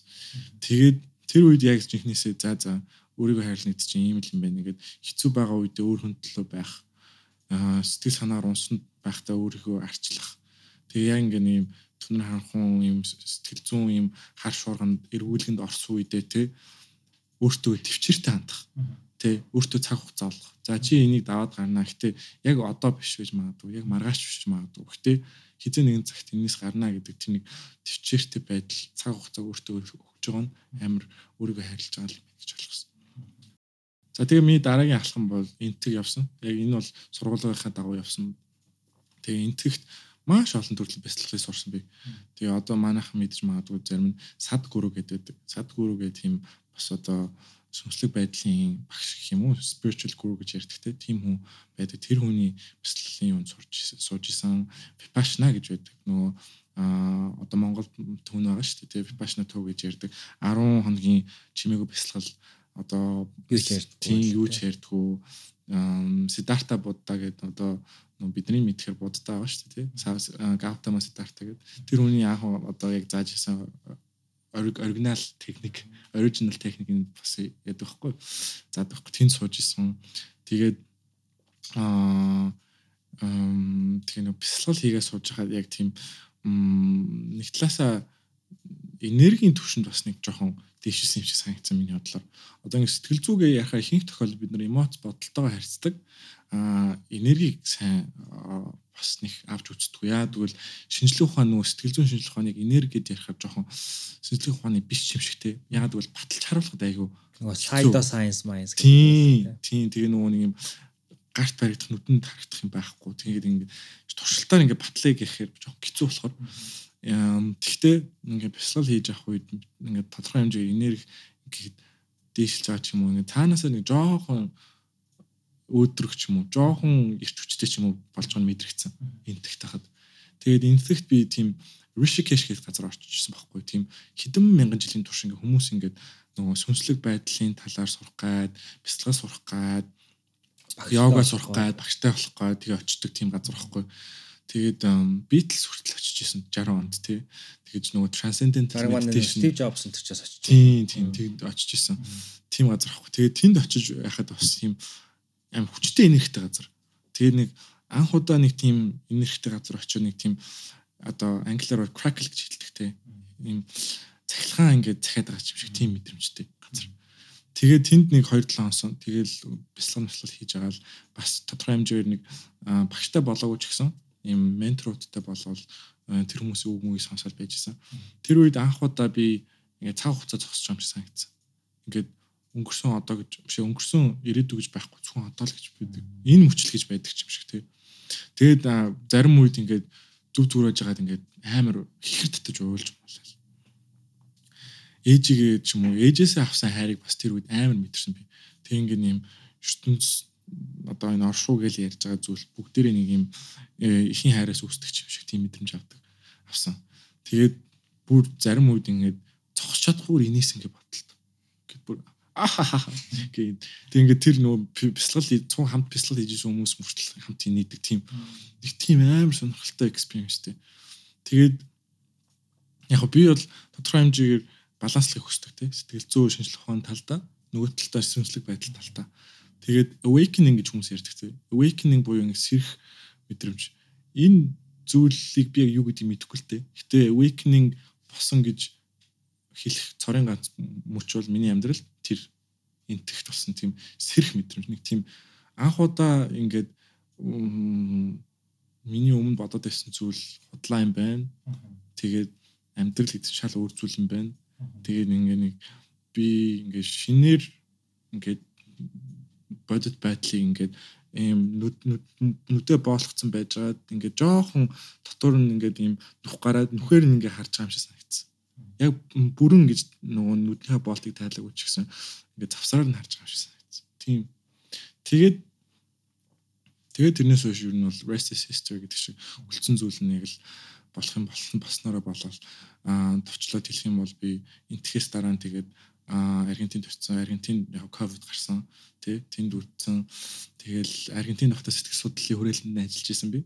Тэгэл олон сэтгэл засалч юмч нартай ч юм уу бас яг яаж ажилтгийг ингээл хажуунаас хараад би яг өөрөө сэтгэл заслал хийгээгүй. Гэхдээ эмчнэрийн хажуунаас харахад бол тэр эмчнэр бас өөртөө стресстэй юм билээ тэрийг харж исэн. За тэгээд Германд очихдоо Германд би хүүхд бишээ хөгжлийн бэрхшээлтэй гэж ярьдаг монголоор хөгжлийн бэрхшээлтэй хүмүүсийн театрт ажиллаж исэн. Тэгээд сургуулаа төгсөө Сан Францискод сэтгэл зүйн багшаар хүүхдийн театрт ажилласан. Юу нэ театр болон сэтгэл зүйтэй айгүй ойрхон байдаг. Тийм. Тэгээ сая Монголд ирээд одоо 8 сар байгаа. Тэгээд ийм нэг ийм одоо healing journey гэж ярьдаг шүү дээ хүмүүс тийм ингээ өөрийгөө идгэх ийм аялалд гараад тэгээ одоо ингээд аяллаа үргэлжлүүлэл явж байгаа. Тэгээ энэ аялал миний бодлоор миний амьдралыг амар тийм оронгоор нэргүүлсэн. Гэхдээ ингээд оронгоор нэргүүлсэн ч гэсэн нэг тийм гоё талаар нь ч юм. Одоо ингээ өмнө ингээ дээр нь янз бүрийн сонин сонин юм барилга барьсан газар байлаа гэж барилгуудын бүгдэрийг нь устгахад тэгээд дээр нь юм гоё цэцэгт цэцэгт хүрээлэн барьж байгаа юм шиг тийм мэдрэмж өгч байгаа. Надаа юу нь бол тийм. За маш гоё ярилт байлаа. Тий. Ер нь бол дахиад ингээд сонсонгууд бүр л илүүх юм бодогдож байна. Тэгээд цацаа энэсгтээ үлдээ гэж бодсон гэж байгаа шүү дээ үлдчихмэр өс ёо. Лам болоод. Лам болоод. Тэг өсөө хосолцсон байлаа. Тэгсэн. Галзан болсон шүү. Тэгээд тэгээ тэгээд одоо ч гэсэн яг юу нүсдэг. Миний ингээд толгойн хойдолт ингээд эргэлддэг бодлол энтг яваад ингээд тэндээ ингээд you know бүх юмнаас ер нь жоохон тасраад тэндээ ингээм бясалгалдаа зориулаад бүх цагаа бясалгал зориулаад байж ивэл яа яасан бэ гэсэн тийм бодол эргэлддэг. М яад ч юм дээ миний миний бодлоор тийм мэдрэмжлээ ах шиг байсан. Тэгэл зүн сонгорол за за би арай энэ удаа биш юм шиг байна гэсэн мэдрэмж аваад тэгээ болоог болоогүй ер нь бол тийм тэгээ одоо ч гэсэн хүмүүст хэлж байгаа хилдэг юм нь болохоор ингээ яа Монгол орч мэхээр би зүгээр дараагийн миний одоо ингээ өсөх тэгээ өөрийгөө идэх ч юм уу эсвэл ингээд дотох доторх хүний илүү их гаргах тэр үе шатн зүгээр Монголд байх юм шиг санагдаад л ер нь л ирсэн. Тийм. Тэнцээ чин ганг мөрөн байсан уу? Яа. Тийм, Rishikesh гэдэг чинь нөө тэр Гимлан нурууны бэлдэн тэгээ жоохон бас өндөрлөг жоохон хүүтэн бас. Тэгээд дундуур нөгөө юм ариун ган муруу шүү дээ. Тэгэл өстой очихоор нэг тийм үзэсгэлэнтэй тийм газар тэгэл нар мар мандж байгаа жаргаж байгаа амар гоё. Тэгэл ган муранд хажууд ингээл энтгчийн юм spiritual дуунуудаа тавиал тэгэл би бол бяцлага сууж идэг байсан. Тийм. Ганг мөрөн ямар нэг байдлаар ээжийнхаа тухай бодож эхлэх нөлөөлсөн үү? Мм. Яг ээжийн талаар яагаад бодсон бэ гэхээр тэн тэр үе зүгээр нэг ном уншиж ирсэн юм аа. Манай аа одоо тэр үеийн одоо байха болцсон гэдэг тэр үеийн менторын гаргасан ном. Тэгэл тэр хүн болохоор бас нэр нь болохоор Сүдип Балайн гэдэг нэртэй. Нөө овг нь Балайн гэдэг. Ямар Балайн гэдэгтэй. Тэгээ эхний нэр нь болохоор Сүдип гэснэ. Өөрөө болохоор So Deep гэж хэлдэг. Тэгээ тэр хүн ном гаргаад тэгээ тэр нь болохоор бас өөрийнх нь а юуны талаар ярьжсэн байхгүй transformation өөрөө юу нь яаж ингэж бас ийм идэх өөрийгөө идэх энэ аялал гарсан бэ гэдэг. Тэр хүн болохоор ийм юу investment banking Сан Францискод хийдэг хүн. Тэгээд 40 настайдаа айгүй юм өвдөлттэй салж юм байна л да ихнэрээсээ. Тэгээд тэр өвдөлтийг эдгэхийн тулд ч юм уу ер нь энэ өвдөлт хаанаас үсэж байгаа ч гэх юм уу тэгээд салт малт болоод ингээм амьдрал нь бас жоохон оронгороо эргээд тэрнээс болоод ингээд ийм өөрийгөө олох аялалд гарсан. Тэгээд энтэгт байсан юм баггүй. Тэгээд тэрний хадлаа бичсэн мэт л. Тэгээд тэр үед харин бичсэн юм дотор харин ээж нь ээжийнх нь нэрийн нэрнийх нь утга нь болохоор хайр гэдэг утга. Тэгээд тэрийг бодсны дараа тэгээд яаж юм зүгээр л миний дотор тийм ээжээсээ авсан нэг тийм эргэж буцалтгүй тэгээ нэг юм unconditional гэж хэлдэг шүү дээ. Нөхцөл заахгүйгээр өгдөг тэр хайрыг ямар мэдэрсэн. Тэгээд ингээд тэр нэг хайр гэдэг тэр мэдрэмж гэх юм уу юу юм те тэр зүйл амар тийм агуу тэгээ нэг тийм тэрний өмнө ингээд бууж өгөө цөхрөө тэгээ зүгээр тэр нь ингээд өөрийгөө ингээд уусгаж оруулаад ингээд дотор нь байхыг л хүссэн юм шиг байна. Тэгээ тийм мэдрэмж аваад амар үйлчсэн. Оо асартлаа шүү. Тийм тэгээд аа удаал нэг ер нь өмнө яхав тэгэл ээжийн хайр шиг тийм үү ер нь тийм хайруудыг зүгээр ингээд толгоогоор л мэдсэн юм шиг байна бодол санаагаар. Гэтэ яг зүрх сэтгэлээрээ ойлгоогүй байсан юм шиг. Тэр үед анх удаа тэгж ойлгож ирсэн. Аа нэг асуулт байна. Эцэг эхийн хайрыг мэдэрч үзээгүй хүүхдүүд тэр unconditional love тий тэр хайрыг ханаас олж авч болох уу мэдэрч болох уу? Яа амар гоё асуулт байна. Миний бодлоор unconditional love гэдэг энэ зүйлийг бид нар бүгдээрээ л хүсдэг баг.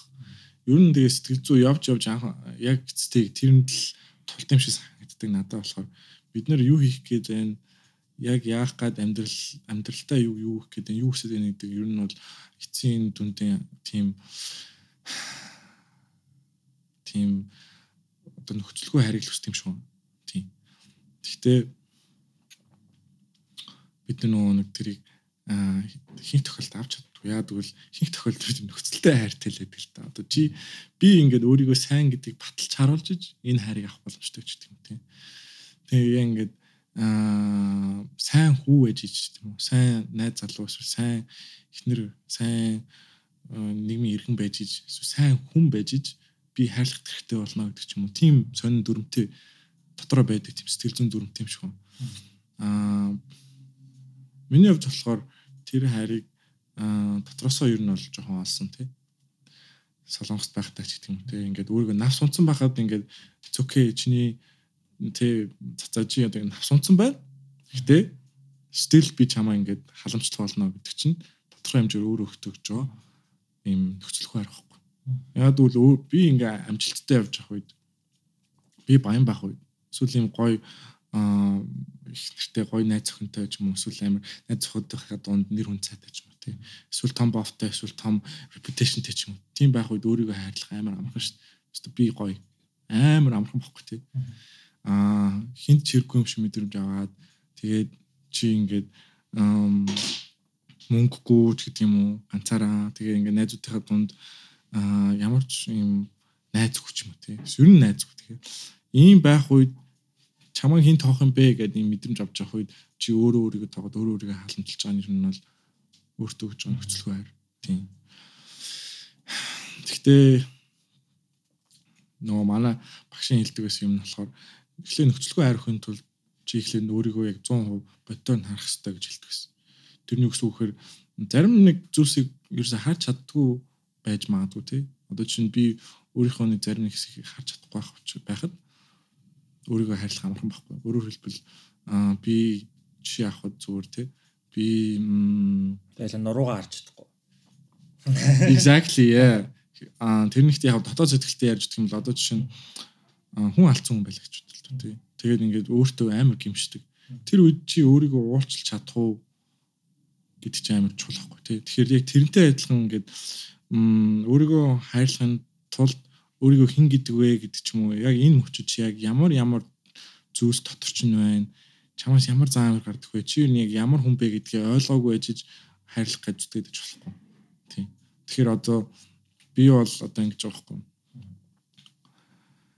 зарим нэг зүйлс төр бол ингээ өөрийнхөө хайрлахад амар хэцүү байдаг. Яа тэгвэл тэр нь болохоор одоо жишээ нь зарим зүйлс төр амар юм хуваач хийсэн өөрөөр хэлбэл бусад хүмүүсийг нэг 50% хайрлалаа гэж бодоход тий 50% нь яг өөрийгөө хайрлж чаддаг хайрлж чаддаг гэхгүй өөрөөр хэлбэл ингээд багийн ажил ч юм уу эсвэл ингээд олон нийтийн зүйлс төр зарим хүмүүст ингээд дургу бол тэр хүмүүнд ингээд жоохон амар колд ханддаг. Амар ингээд зарим үед манай ээж тэгдэг ус баггүй баг хахад ингээд төмрөөр хайрж байгаа юм шиг юм хүүтэн сэтгэл чамаас гардаг шүү Тийм. Тэгээд тэр зүйл миний дотор байдаг. Тэгээд тэр зүйлийг ингээд хараад тэрийг стил хүлэн зөвшөөрөөд тэгээд ингээд хайрлахад амар хэцүү байхгүй наа. Би ингээ өөрийгөө тодорхой хэмжээнд муу хүн юм шиг мэдэрч байгаа шүү дээ. Тэгэхээр яг тэрнтэй адилхан нөгөө нэг өөрийнхөө дотор байдаг зүйлсийг сайн мэдчихэж тэр тэрний дараа харин хүлэн зөвшөөрөөд хайрлах боломж гарч ирдэг гэсэн. Би л тэгж миний ойлголт бол тийм. Яа баярлалаа. Би санийг асуулт асуумаар санагдаад байна. Хэрэв би ямар ч плетгүй биш ээ. Плетнийхаа мөнгийг явал энэ төг очих юм бол тэг өөр ямар ч мөнгө авахгүй заа. Бид нар газар амьдрч чадах уу? Yes. Юу нээр боломжтой шүү. Амар хямдхан. Би одоо жишээ нь тэр үеийн ханшир 4000 төгрөгөөр сүксээс асуулж исэн. Монгол 5000 төгрөг байхад. Тэгээд нөгөө нэг миний яриад байсан хэрэгтэй юм уу? Тийм шүү дээ, хэрэггүй шүү дээ. Тэгээ Rishikesh гэдэг газар чинь ийм ашрам гэдэг зүйлсүүд тах монголоор бол нэг хийд шиг.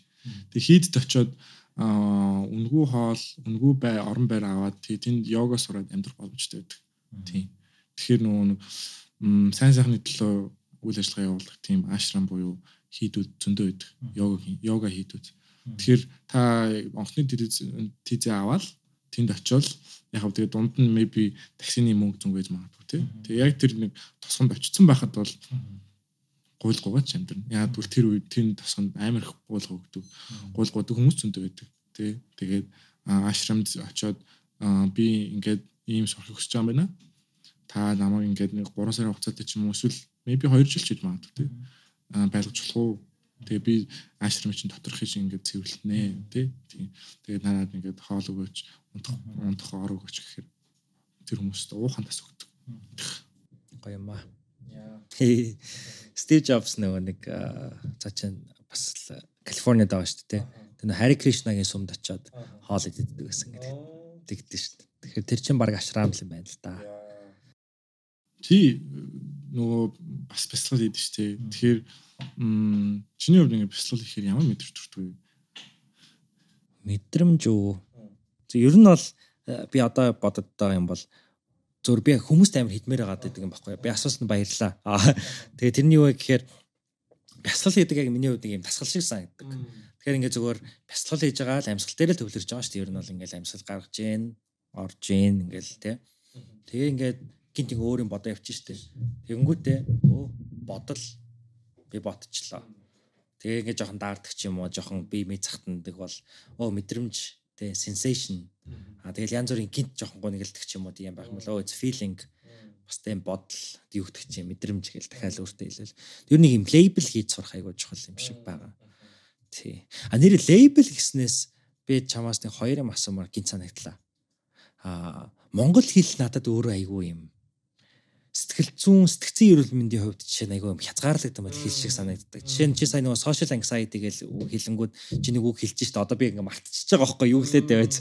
Тэ тэгэнгүүт яг ингээ англиар бол ойлгоод байгаа. За тэгэл англиар бол зөндөө олон шүү дээ. Би сүүлд нэг найстайгаа ярилцж байгаа нэг юмуд ярьсан. Одоо жишээ нь ингээд I'm anxious тэ би ингээ жоохон түгшээд байна гэж хэлдэг. Тэгэхээр би одоо ижээс ой манлаа манчи амар түгшээд байна гэж хэлэхгүй шүү дээ тий. Тэгсэн мөслөө англиар бол би амар anxious and very anxious гэж хэлэхэд арай нэг easy going гэж юм шүү юм шиг тий. Тэгээ би нэг YouTube-ийн бичлэг нэлээ олон жилийн өмнө үзэж байгаад хүн ингээд emotional label хийж сурах айгуу чухал гэж сонсч ийсэн санагдаад байгаа. Тэгэхээр тэрэн дээр юу гэж бодож байна? Ер нь emotional label хийх. Зөв зөв.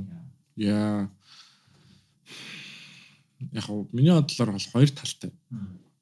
Мм яг emotional label хийх гэдэг нь болохоор нэг тийм хоёр алхмын дунд байгаа юм шиг санагдаад байгаа байхгүй. Тэгэхээр одоо чинь чи шатан шатан дээр байгаад ингээд доотлын алхамтнаас нь бол emotional label хийх нь бол зөв. Дэх дэшгээ явж байгаа гэсэн. А emotional label хийсний дараа харин дараагийн алхам нь юу вэ гэхээр өөр нэг өөр юм байгаа байхгүй. Тэгэхээр одоо яг хэлэн дээр бол би санаал нийлж байна л да монгол хэлэн дээр одоо яг энэ мэдрэмжтэй холбоотой өгнөд жоохон нарийн бос байдаг ч гэх юм те. Ингээд эсвэл хэдүүлээ монгол хэлээ айгу муу эзэмсэн. Бид нэр мэдгүй байж магадгүй тий. Соёлын хувьд ингээд яг тэр нарийн мэдрэмжээ хуваалцж ярьдаг тийм хөвшил татаагүй гэдэг ч юм уу тий. Аа англи хэл дээр болохоор одоо ингээд anxious, tired, frustrated, angry гэж зөндөө ш тий. Сүүл нэр бит хоёр бас нэг юм үг ярьж ирсэн. Маа тэр найз хоёр юу envy хийх хүнийг тий тэгэхээр бас нөгөө талаар бүр ингээд атаархах биш. Гэтэ бас нэг жоохон шар өдлөх. Шар өдлөх тийм. Тийм тийм. Тэнгүүд нөгөө нэг аа би сүүл бас нэг найзтай ярьжсэн юу зүйл нь юу гэхээр англи хэлний а одоо уран зохиол талаасаа найр одоо ялангуяа ингээд шүлэг яруу найраг дээр их тийм мэдрэмж төвтэй юмнууд бичдэг байхгүй юу түүхэндээ одоо нөгөө нэг юунаас шалтгаалж юм л да. Урлагаас шалтгаалангууд одоо жишээ нь impressionist гэдэг чинь яг өөрийнхөө impression буюу тэр үед мэдэрчсэн мэдрэмжийг гаргах гэсэн үг шүү дээ. Тэгэхээр impressionist шүлгнүүд бичиж байгаа нь одоо жишээ нь I feel this I feel that ч юм уу те. I feel angry гэдгийг яаж өөр хэлж болох вэ? А монгол шүлгнүүдийг харахаар илүү гадаад орчныг дүрссэн маягтай ч юм уу те. Тийм байдаг. Аа яг хөө ингээд томоор нь хараад үзэхээр тий би яг сүүлийн үед ингээ гарч байгаа Монгол шүлгнүүд maybe илүү бас нэг дотоод сэтгэл мэдрэмжтэй холбоотой байж хараад байгаа. Тий тий багада бидний одоо чэйжилж өссөн шүлгнүүд л бол ингээл миний нутгаас ахвалал хин зураг мурга хүртэл яриа л тий. Тий одоо ингээд үүл уул тий ингээд газар орон тэгээд ийм байгалыг ингээд өссөн шүлэг маш өндөр. Аа англи шүлгнүүд ярахаар одоо яг тийм байгаа байхгүй. I feel that I feel this. Тэгээд ингээд сүүлийн хэдэн жил ч гэсэн одоо ингээд сүүлийн заа нэг 40 жилийн хугацаанд spoken poetry гэж байгаа тий. Тэмүүд чинь болохоор нэг өөрийн үзэл бодлыг хуваалцах шүлэг гэдэг шиг тэгэл зарим үед ингээд нийгмийн зүйлсийг ингээд шүүмжилдэг ч юм уу те зарим үед дотоод байгаа сэтгэлээ хуваалцаад би ийм мэдрэмж мэдэрч чинь тэгээд ийм учраас ингээд би ийм зүйл хийлэж гэх юм уу ингээд би хүн төртэй А Монгол шүлгэн болохоор илүү жоохон гадаад орчид төвтэй юм шиг санагдаад байгаа хгүй. Тэгж нэг жоохон би нэг жоохон ерөнхийгөр нь ярих дуртай. Тэнгүүт нөгөө нэг англи хэл тэгээд Америк соёл англи соёл чинь бас ингээд би хүн хуу хүнийг айгүй хүн үздэг шүү дээ. Хуу хүний сэтгэл санаа хуу хүний мэдрэмжүүдийг айгүй ингэж дээшээ гаргаж энэ чухал зүйл юм а гэж ярьдаг учраас соёлын хувьд бас ингээд ярихад ч гэсэн тэр хүмүүст амар амар байд юм шүү. I feel this гингүүт I feel angry гингүүт амар энгийн зүйл байгаа байхгүй тий би ууртай байна гэж хэлчих. Монгол болохоор ууртай байна гэж хэлэхээр нэг вирустэй гэж хүн хэлж байгааг хараагүй. Манчестер Сити байна л гэж нь хэлж ирсэн. Стресс гэдэг үг нь маш олон байна. ингээд дотор нь орж тийм шиг Тийм санагддаг тий. Тийм. Тэгээд тэрнээсээ болоод эмоц ойлгохгүй байх бол яг тий гардаг зүйл. Аа нөгөө нэг аа эмоцо тайлж явуулахын тулд эхлээд би яг юу мэдэрд байна гэдгийг ойлгох хэрэгтэй шүү дээ. Төнгүүд ингээд хил зүүн хуваас хараад үзэнгүүд яг би яг мэдрэмж мэдэрч байгаагаа нэрлээд хэлчихье гэхээр чадахгүй дандаа л бүгд нэг стресст оруулаад тахаар тэрийгэ тавьж явуулах ч юм уу тэрнтэйгээ ажиллах юу нь жоохон багтчихад байгаа. Цар хүрээнд жоохон багтчихад байгаа гэсэн үг. Аа тэгэхээр тэр талаасаа бол би яг чамтай санал нийлээд бид нар ингээд жоохон нарийн нэршилтэй бол бас зүгээр юм шиг санагдаж байгаа тий. Би сэтгэл гонсойсон гэдэг нь сэтгэл төвшсөн гэдгээс шал өөр мэдрэмжтэй. Тэрийгээ тэгээ ярьдаг байх нь соёлт нь ингээд шууд суудсан байх юм бол одоо ээж аав нар ялангуяа гардаг асуудал хгүй хүүхдүүд нь юу эхлэх гээд байгаа мэдэхгүй ингээд хүүхдүүд одоо миний нөгөө нэг ажиллаг 8-аас 13 насны хүүхдүүд төр хамгийн чухал бас эмоцо биш чадваруудын нэг нь эмоцо нэрлж тэрийг харилцаан ярилцах байхгүй. Төнгүүд нөгөө хүүхдүүд эхний байдлаар яадаг вэ гэхээр амар юм дотор юм юм ууртай байлаа ч гэсэн тэрийг гаргаж хэлж чадахгүй учраас шууд тесэрдэг. Өөрөөр хэлбэл ингээд аа ээж аавхны өвдөс ингээд цор цор хийнэ гэдэг шиг те ингээд одоо эрүүл бусаар ярьдаг ч юм те. Эсвэл ингээд юмнуудаа эвдэлдэг. Тэр чинь нөгөө доторх юмаа үгээр илэрхийлж гаргаж чадахгүй учраас тоглоомоо эвдэлж өөрийгөө ууртай байна гэдгийг гаргаж байгаа байхгүй. Аа бид нар багаас нь те би ууртай байна гэдгийг хэлүүлээ сурчих юм бол тэр хүүхдүүд эмоц гаргаад тэг ингээд дэлбэрэхгүй байх боломжтой. Тийм. Тэгээ ээж аав нарт гардаг тэр асуудал бол хүүхдүүд хүүхдүүдийг ойлгож чадахгүй хүүхдүүд нь ингээ хаалттай болоо ярьж чадахгүй. Тэгээ нэг юм хоорондын эмоцийн эмоцоор холбогдож чадахгүй учраас тэр ингээд 95 5 6 жилийн дараа тий 18 19 дэх болоход нь амар том проблем болдог. Маш чухал point гаргаж ирлээ гэж бодож байна. Хил шинжээч нар бол нөгөө хил хизээ мөхдөг вэ гэхээр угаас хэрэглэхээ болохоор мөхдөг гэдэг байгаа шүү дээ. Тэгэл одоо бид нар жишээ нь монгол хэлээрээ сайн яар гэж шилдэг мөртлөө бид нар одоо хамгийн наазахын жишээ бол компьютерийг бол хизээж бид нар Тооцоолоо. тооны машин гэх юм уу хэлэхгүй шүү дээ. Гэтэ компьютер гэж бүгд ойлгодог. Ягаад тэгэхээр бүгдөө тэрийг мэддэг ойлгодог ярилцдаг компьютер дээр ингэж. Тэрнтэй адилхан бас сэтгэл мэдрэмжүүдийг ингээл нийтээрээ нийгмээрээ олуулаа ярьж ижил тэр үгийг за энэ нь энэсээ ийм ялгаатай гэсэн нэг юм консенсус гэдэг байгаа шүү дээ нийтээрээ хүлэн зөвшөөрдөг ойлголт тий. Тийм тэр нь хэрэгтэй байгаа шүү тий. Харин тэгэхээр нөгөө аа миний зүгээр бас харсан юм нь болохоор ингэж.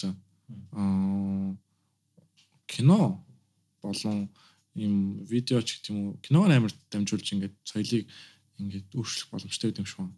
Тэнгүүд аа одоо нөгөө Америкт ч гэдэг юм уу гадны тэр кинонууд би ийм мэдрэмж мэдэрч байна гэдгийг хэлж байгаа тэр зүйлийг кинонд амар гаргадаг. Тийм. Тэнгүүд тэрнгээр нь дагаж нөгөө хүмүүсийн бас ингээд зан авир амир өөрчлөгдөх байхгүй. Холливуд ч юу нь бол айгу тийм зан авир өөрчлөгдөх өөрчлөх боломжтой тийм машин байхгүй тий. Хэрэгсэл аа тэгэхээр Монголд ч гэсэн нөгөө нэг яг тийм контент тийм медиа тийм бичлэг тийм кинонод амир хийгдэд эхлэх юм бол миний бодлоор ингээд яг тэр соёлд нь нөлөөлөх боломжтой болох гэж бодож байгаа тийм. Окей. Мм. Nice. Тэгэл хоёул ингээ хийгээ яриасаа Yes. шүү дээ. За. Би амар гоё мэдрэмжтэй байна. Тийм. Ер нь бол чамд хэлжсэн тийм. Анх удаа ийм гоё чихвчтэй ийм гоё орон зайтай газар подкастт орж байгаа. Тэгээд нөгөө өмнө бас ганц хоёр орж исэн ч гэсэн яг ийм жоохон ийм гүнзгий төвшөнд бас сайн ярьж чадаагүй өмнөх подкастууд та. Тэнгүүд чинь чамтай болохоор ягаад ч юм maybe ингээд өмнө мэддэг байсан болохоор амар ийм тухтай мэдрэмж аваад ч юм уу. Тэгэхэд э, яриад амар л. Ер нь бол. За окей. Thank you. За одоо хэлээ ингээ.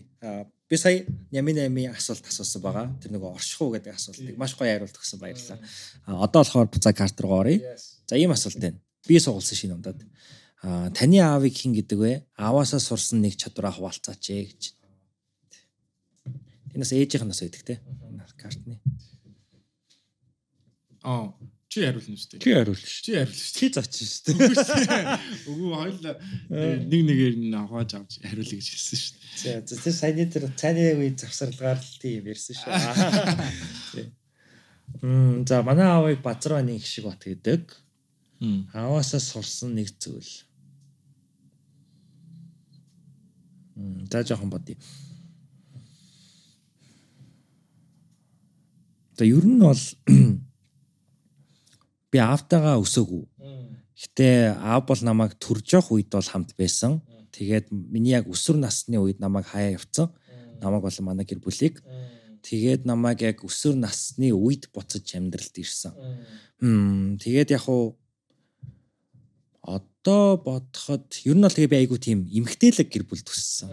Эмгтээлэг гэдэг нь юу байна вэ? Феминин энержитэй. Айгу их эмгтэй хүмүүс байдаг гэр бүл төссөн гэсэн үг. Тийм болохоор бас тэрийг дагаад би ер нь бол тийм эмгтээлэг энергитэй хүмүүстэй илүү одоо харьцаж чаддаг. Илүү юм маскулин хүмүүсийн хажууд би айгуух ядардаг. Айгуух тийм өөрийгөө хамгаалах хэрэгтэй юм шиг. Би бас өөрөө нэг тийм жоохон нөгөө юугаа өгөх дургу хүн гэдэг чтэй нэг тийм мөчөөгөө. өгөх дургу хүн гэдэг шиг. Ягаад ч юм амар маскулин энержитэй хүн байхаар ингээд өөрөө жоохон маскулин болох гээд байдаг. Гэтэ би яаж болох ёстойгоо мэддэггүй. Тий. Тэгэхээр манай аавын магадгүй миний амьдралд байхгүй байснаар зааж өгсөн юм байгаад байгаа. Тэр нь юу вэ гэхээр эмэгтэй хүмүүстэй амьдрч сурахыг. Тэгээд бас арга ивийн олохын. Тий. Тэгээд аав байхгүйсэн болохоор би бас яг эрэгтэй хүн ямар байх ёстойг ойлгодоггүй. Гэтэ яг ингээд мэдээж хэрэг нөгөө нийгмийн одоо эрэгтэй хүнийг ийм байх ёстой, тийм байх ёстой гэдэг юм бол байгаа шүү дээ. Хүн хүн болгонд л нөлөөлж байгаа. Айгүй олон аавг үссэн хүмүүс угаас айгүй олон байдаг. Тэр бүгд ойлгож байгаа. Аа тэгтээ миний хувьд болохоор амар чухал юм зүгээр одоо эргээ бодоход би яг ингээд хүн чи эрэгтэй хүн бийж ингэж эрэгтэй хүн бийж тийм байгаа ч гэхэд надад айгүй таалагддаг. Тийм. Тэгэхээр яг хуу аав байхгүй байснаар одоо тэрийг зааж өгсөн. Аав байснаар яг зав давраад хоёр юм хэлэх байгаа шиг. Аав байснаар магадгүй юу зааж өгсөн бэ гэхээр ер нь бол өнгөрснөө ойлгохыг айгүй их зааж өгсөн гэж боддог. Тэгээд яагаад гэхээр аав нэгт айгүй удам судар ярьдаг. Тэгээ удам судар ярьж байгаа нь одоо ингээд за одоо аавынхын талд ийм хүн байсан. Тэгээд ээжийн тал аавынх нь ээжийн тал нэг иймэрхүү хүн манай аавын тал нэг иймэрхүү хүн ингээл те. Тэгэл надад айгүйх тийм өөрөө айгүйх улс төрт одоо хоббитай ч гэх юм уу. Гэтэ улс төрч хүн бол биш. А зөвөр арчилсан хувьсгалд ингээд гар бие оролцож исэн партизан хүн. Тэгэхээр нөгөө арчилсан хувьсгалыг ингэж одоо хийжсэн хүн учраас аргагүй бах. Тэгээд одоо ингээ эргээд бодоход ааваас хамгийн ярьсан зүйл бол ингээд нэг юм амьдралын замыг л ерөнхийдөө бол ааваасаа илүү их олж авсан. Тэгээд тэр зам нь юу ажиллахыг бол мэдээж хэрэг миний шийдэх асуудал байх л та. Гэхдээ тэр асуудлаа шийдэхийн тулд өнгөрснөө хүн бас айгүй ойлгох хэрэгтэй. За одоо манай гэр бүл юу туулсан, манай аав хэн байсан. Тэгээд одоо би цаашаа хэн байх юм, ямар юмнуудыг хойноо үлдээх юм гэдэг юмнууд юм болоо. Тий. Тэгээ ер нь бол манай аав айгүй бэлэг өгөх дуртай, хөгжилтэй, жоок хийдэг. Аа ер нь тим хүн байлээ сүулт ингээд танилцсан чинь автагаа өсөр наснда тэгээд яг хав байжгүй автаа дуртай. Тий. Ер нь би айгу уучлцсан. А нэрэ тэр юм байна. Нэрэ тэр айгу чухал. Би яг эргээ бодоход миний хамгийн чухал юм бол би аавда гомддггүй. Хаяад явсан гэж юусоо гомддггүй. Тий. Тэгэхээр эргэн тойронд байгаа ингээ гомдтол тээж явж байгаа хүмүүс маань айгу их зовж байгаа юм санагддаг. А би эсэргээрээ гомддггүй болохоро айгу гэр бүлийн амьдрал аяг хөнгөн байдаг гэж боддог тийм. Тийм ээ тийм. Вау. Яа. Маалцсан баярлалаа. За баярлалаа. Яа. Окей, одоо би буцаа асуунаа. Яа, би ам Я би чамаас амар мэддэг зүйл нь болохоор тийм бас тийм аюулгүй мэдрэмж. Тийм. Би нөгөө нэг чиний сайн хэлсэн шүү дээ. Хитрхи маскулин хүмүүсийн хажууд орохоор бие барьдаг ч юм уу. Тийм бол байдаг. Надад бас мэдрэгддэг байхгүй юу? Тэр нь болохоор ингээд зарим нэг маскулин ихтэй хүмүүс нөгөө нэг бусдад орон зай үүсгэх тим скилээ мэддгүү. Тэгэхээр нөгөө нэг альфа гэдэг шүү дээ. Тийм, одоо өөрөө хүчтэй одоо үзэл бодолтой ч юм уу те эсвэл ингээд маш одоо бас өндөр энергитэй байж болно шүү дээ. Аа тэгээд ингээд тойр цуугаад ярихад ч юм уу эсвэл ингээд хамтран ажил хийж яхад ч юм уу те аа мэдээж тодорхой хэмжээр ингээд одоо өөрийнх нь оролцоо ихтэй эсвэл өөрийнх нь одоо хүч чадал их гэдэг ч юм уу тий. Тэр үед of course тэр хүн ингээд мэдээж одоо чадaltaй гэдгийг харуулна, юм хийж чаддаг гэдгийг харуулна, ухаантай гэдгийг харуулна. Гэхдээ бусад хүмүүст орон зай үүснэ гэдэг чинь өөрөө амар том маскулин зүйл гэдгийг зарим хүмүүс ойлгодог. Яа тэгвэл маскулин байлаа гэдэг нөгөө нэг орон зайг дүүргэх гэдэг нь үгүй байхгүй. А тэрийгээ нөгөө нэг контролд сурах хэрэгтэй. Зарим хэрэгтэй үед лидершип аваад орон зайг дүүргээд өөрийнхөө яг харж байгаа байдлаар тэ ингээд шийдвэр гаргаад явах нь зөв. Зарим үед харин тэрийг орон зайг одоо дүүргэхээс гадна талд нь хүртэл оруулаад нөгөө талыг нь нөгөө хүндээ офер хийж байгаа нь одоо санал болгож байгаа чи энэ талыг нь ингээд өөрийнхөө орон цагаар дүүргээч гэж хэлж байгаа нь уг нь бол айгүй тийм маскулин миний бодлоор. Тийм. Тэнгүү тэрийг ингээд зарим хүмүүс одоо ойлгооч юм тийм талаар одоо харах зүгээр хардггүй хүмүүсийн хажууд орохоор би бас ингээд ингээд нөгөө нэг орон зайтны төлөө өөртөө орон зай гарахын төлөө ингээд тулдах хэрэгтэй юм шиг мэдрэмж авдаг. Өөрөөр хэлбэл өөрийнхөө орон зайг үүсгэхийн тулд ингээд хамгаалаад зогсож байгаа хгүй. Би энд зогсож байгаа шүү. Намайг ойлгож гин үү гэд хамгаалах гээд төмгөл хамгаалахын тулд ингээд жоохон би чанган штэ. Төмөн тэрнээс болоод ингээд тайван аюулгүй мэдрэмж авч чаддаг болохоор жоохон хэцүү. Тийм. Тэгээд миний бодлоор нөгөө нэг чамаа би чинь талаар амар тийм дуртай нь болохоор masculine feminine гэдэг юм хоёр төрлийн энерги байгаа шүү дээ. Тэр нь ингээд бас тодорхой хэмжээгээр ингээд тэнцсэн юм шиг санагдах байхгүй надад. Тэнцсэн гэж арай бас ингээд хоорондоо ойрхон ч гэдэг юм те. Зарим хүмүүс хит masculine feminine юм байдаг ч юм те. Тэрнийхээ тэр хүний өөрөх нь хувийн шийдвэр үж магадгүй. А гэхдээ миний хувьд болохоор нөгөө нэг зүгээр юм тэнцвэр илүү сайтай хүмүүстэй ажиллах, найзлах ингээ харилцах нь илүү гоё байдаг. Яа тэгвэл нөгөө тэнцвэртэй байна гэдэг чи өөрөө хоёулангийн авчгаар хэрэгтэй үедээ маскулина гаргаж хэрэгтэй үедээ феминина гаргаж шүү дээ. Тэгэхгүй бол зарим хүмүүс нөгөө феминин байхгүй, феминин буюу одоо ингээд уян хатам чанаруудаа ингээд бүр ингээд дараад энэ бол эрэгтэй хүнд байх эсгүй зан чанар гэдээ үзчихэнгүүт зарим тохиолдолд ингээд зөвхөн өөрийнхөө ингээд зүтгээд байхаар чинь тэр хүнтэй харилцахад хэцүү. Тэр хүн ч гэсэн өөрийнхөө амьдралд хэрэгтэй үед нь уян хатан чанар гаргаж чадахгүй. Зөвхөн л хатуу хатуу хатуугаараа яваад гарч юм чинь. Ямар ч тийм арга биелэгийн хослол байхгүй болчих жоох байхгүй тийм тийм тэгээд аа яа тэгээд аав аав хоёрын харилцаа амар чухал хата би бас тэгж боддог шүү манай аав бит хоёр бас тодорхой хэмжээгээр ойрхон харилцаатай. Гэхдээ нөгөө нэг манай аав нөгөө хөдөө авчдаг байхгүй нэг жилийн 6 сар нь хөдөө авчдаг. Тийм. Тэгэхээр бас нөгөө зарим тохиолдолд ингээл 6 сар гой байж байгаа 6 сар байхгүй болчихор ингээд нөгөө юу хэмтэй.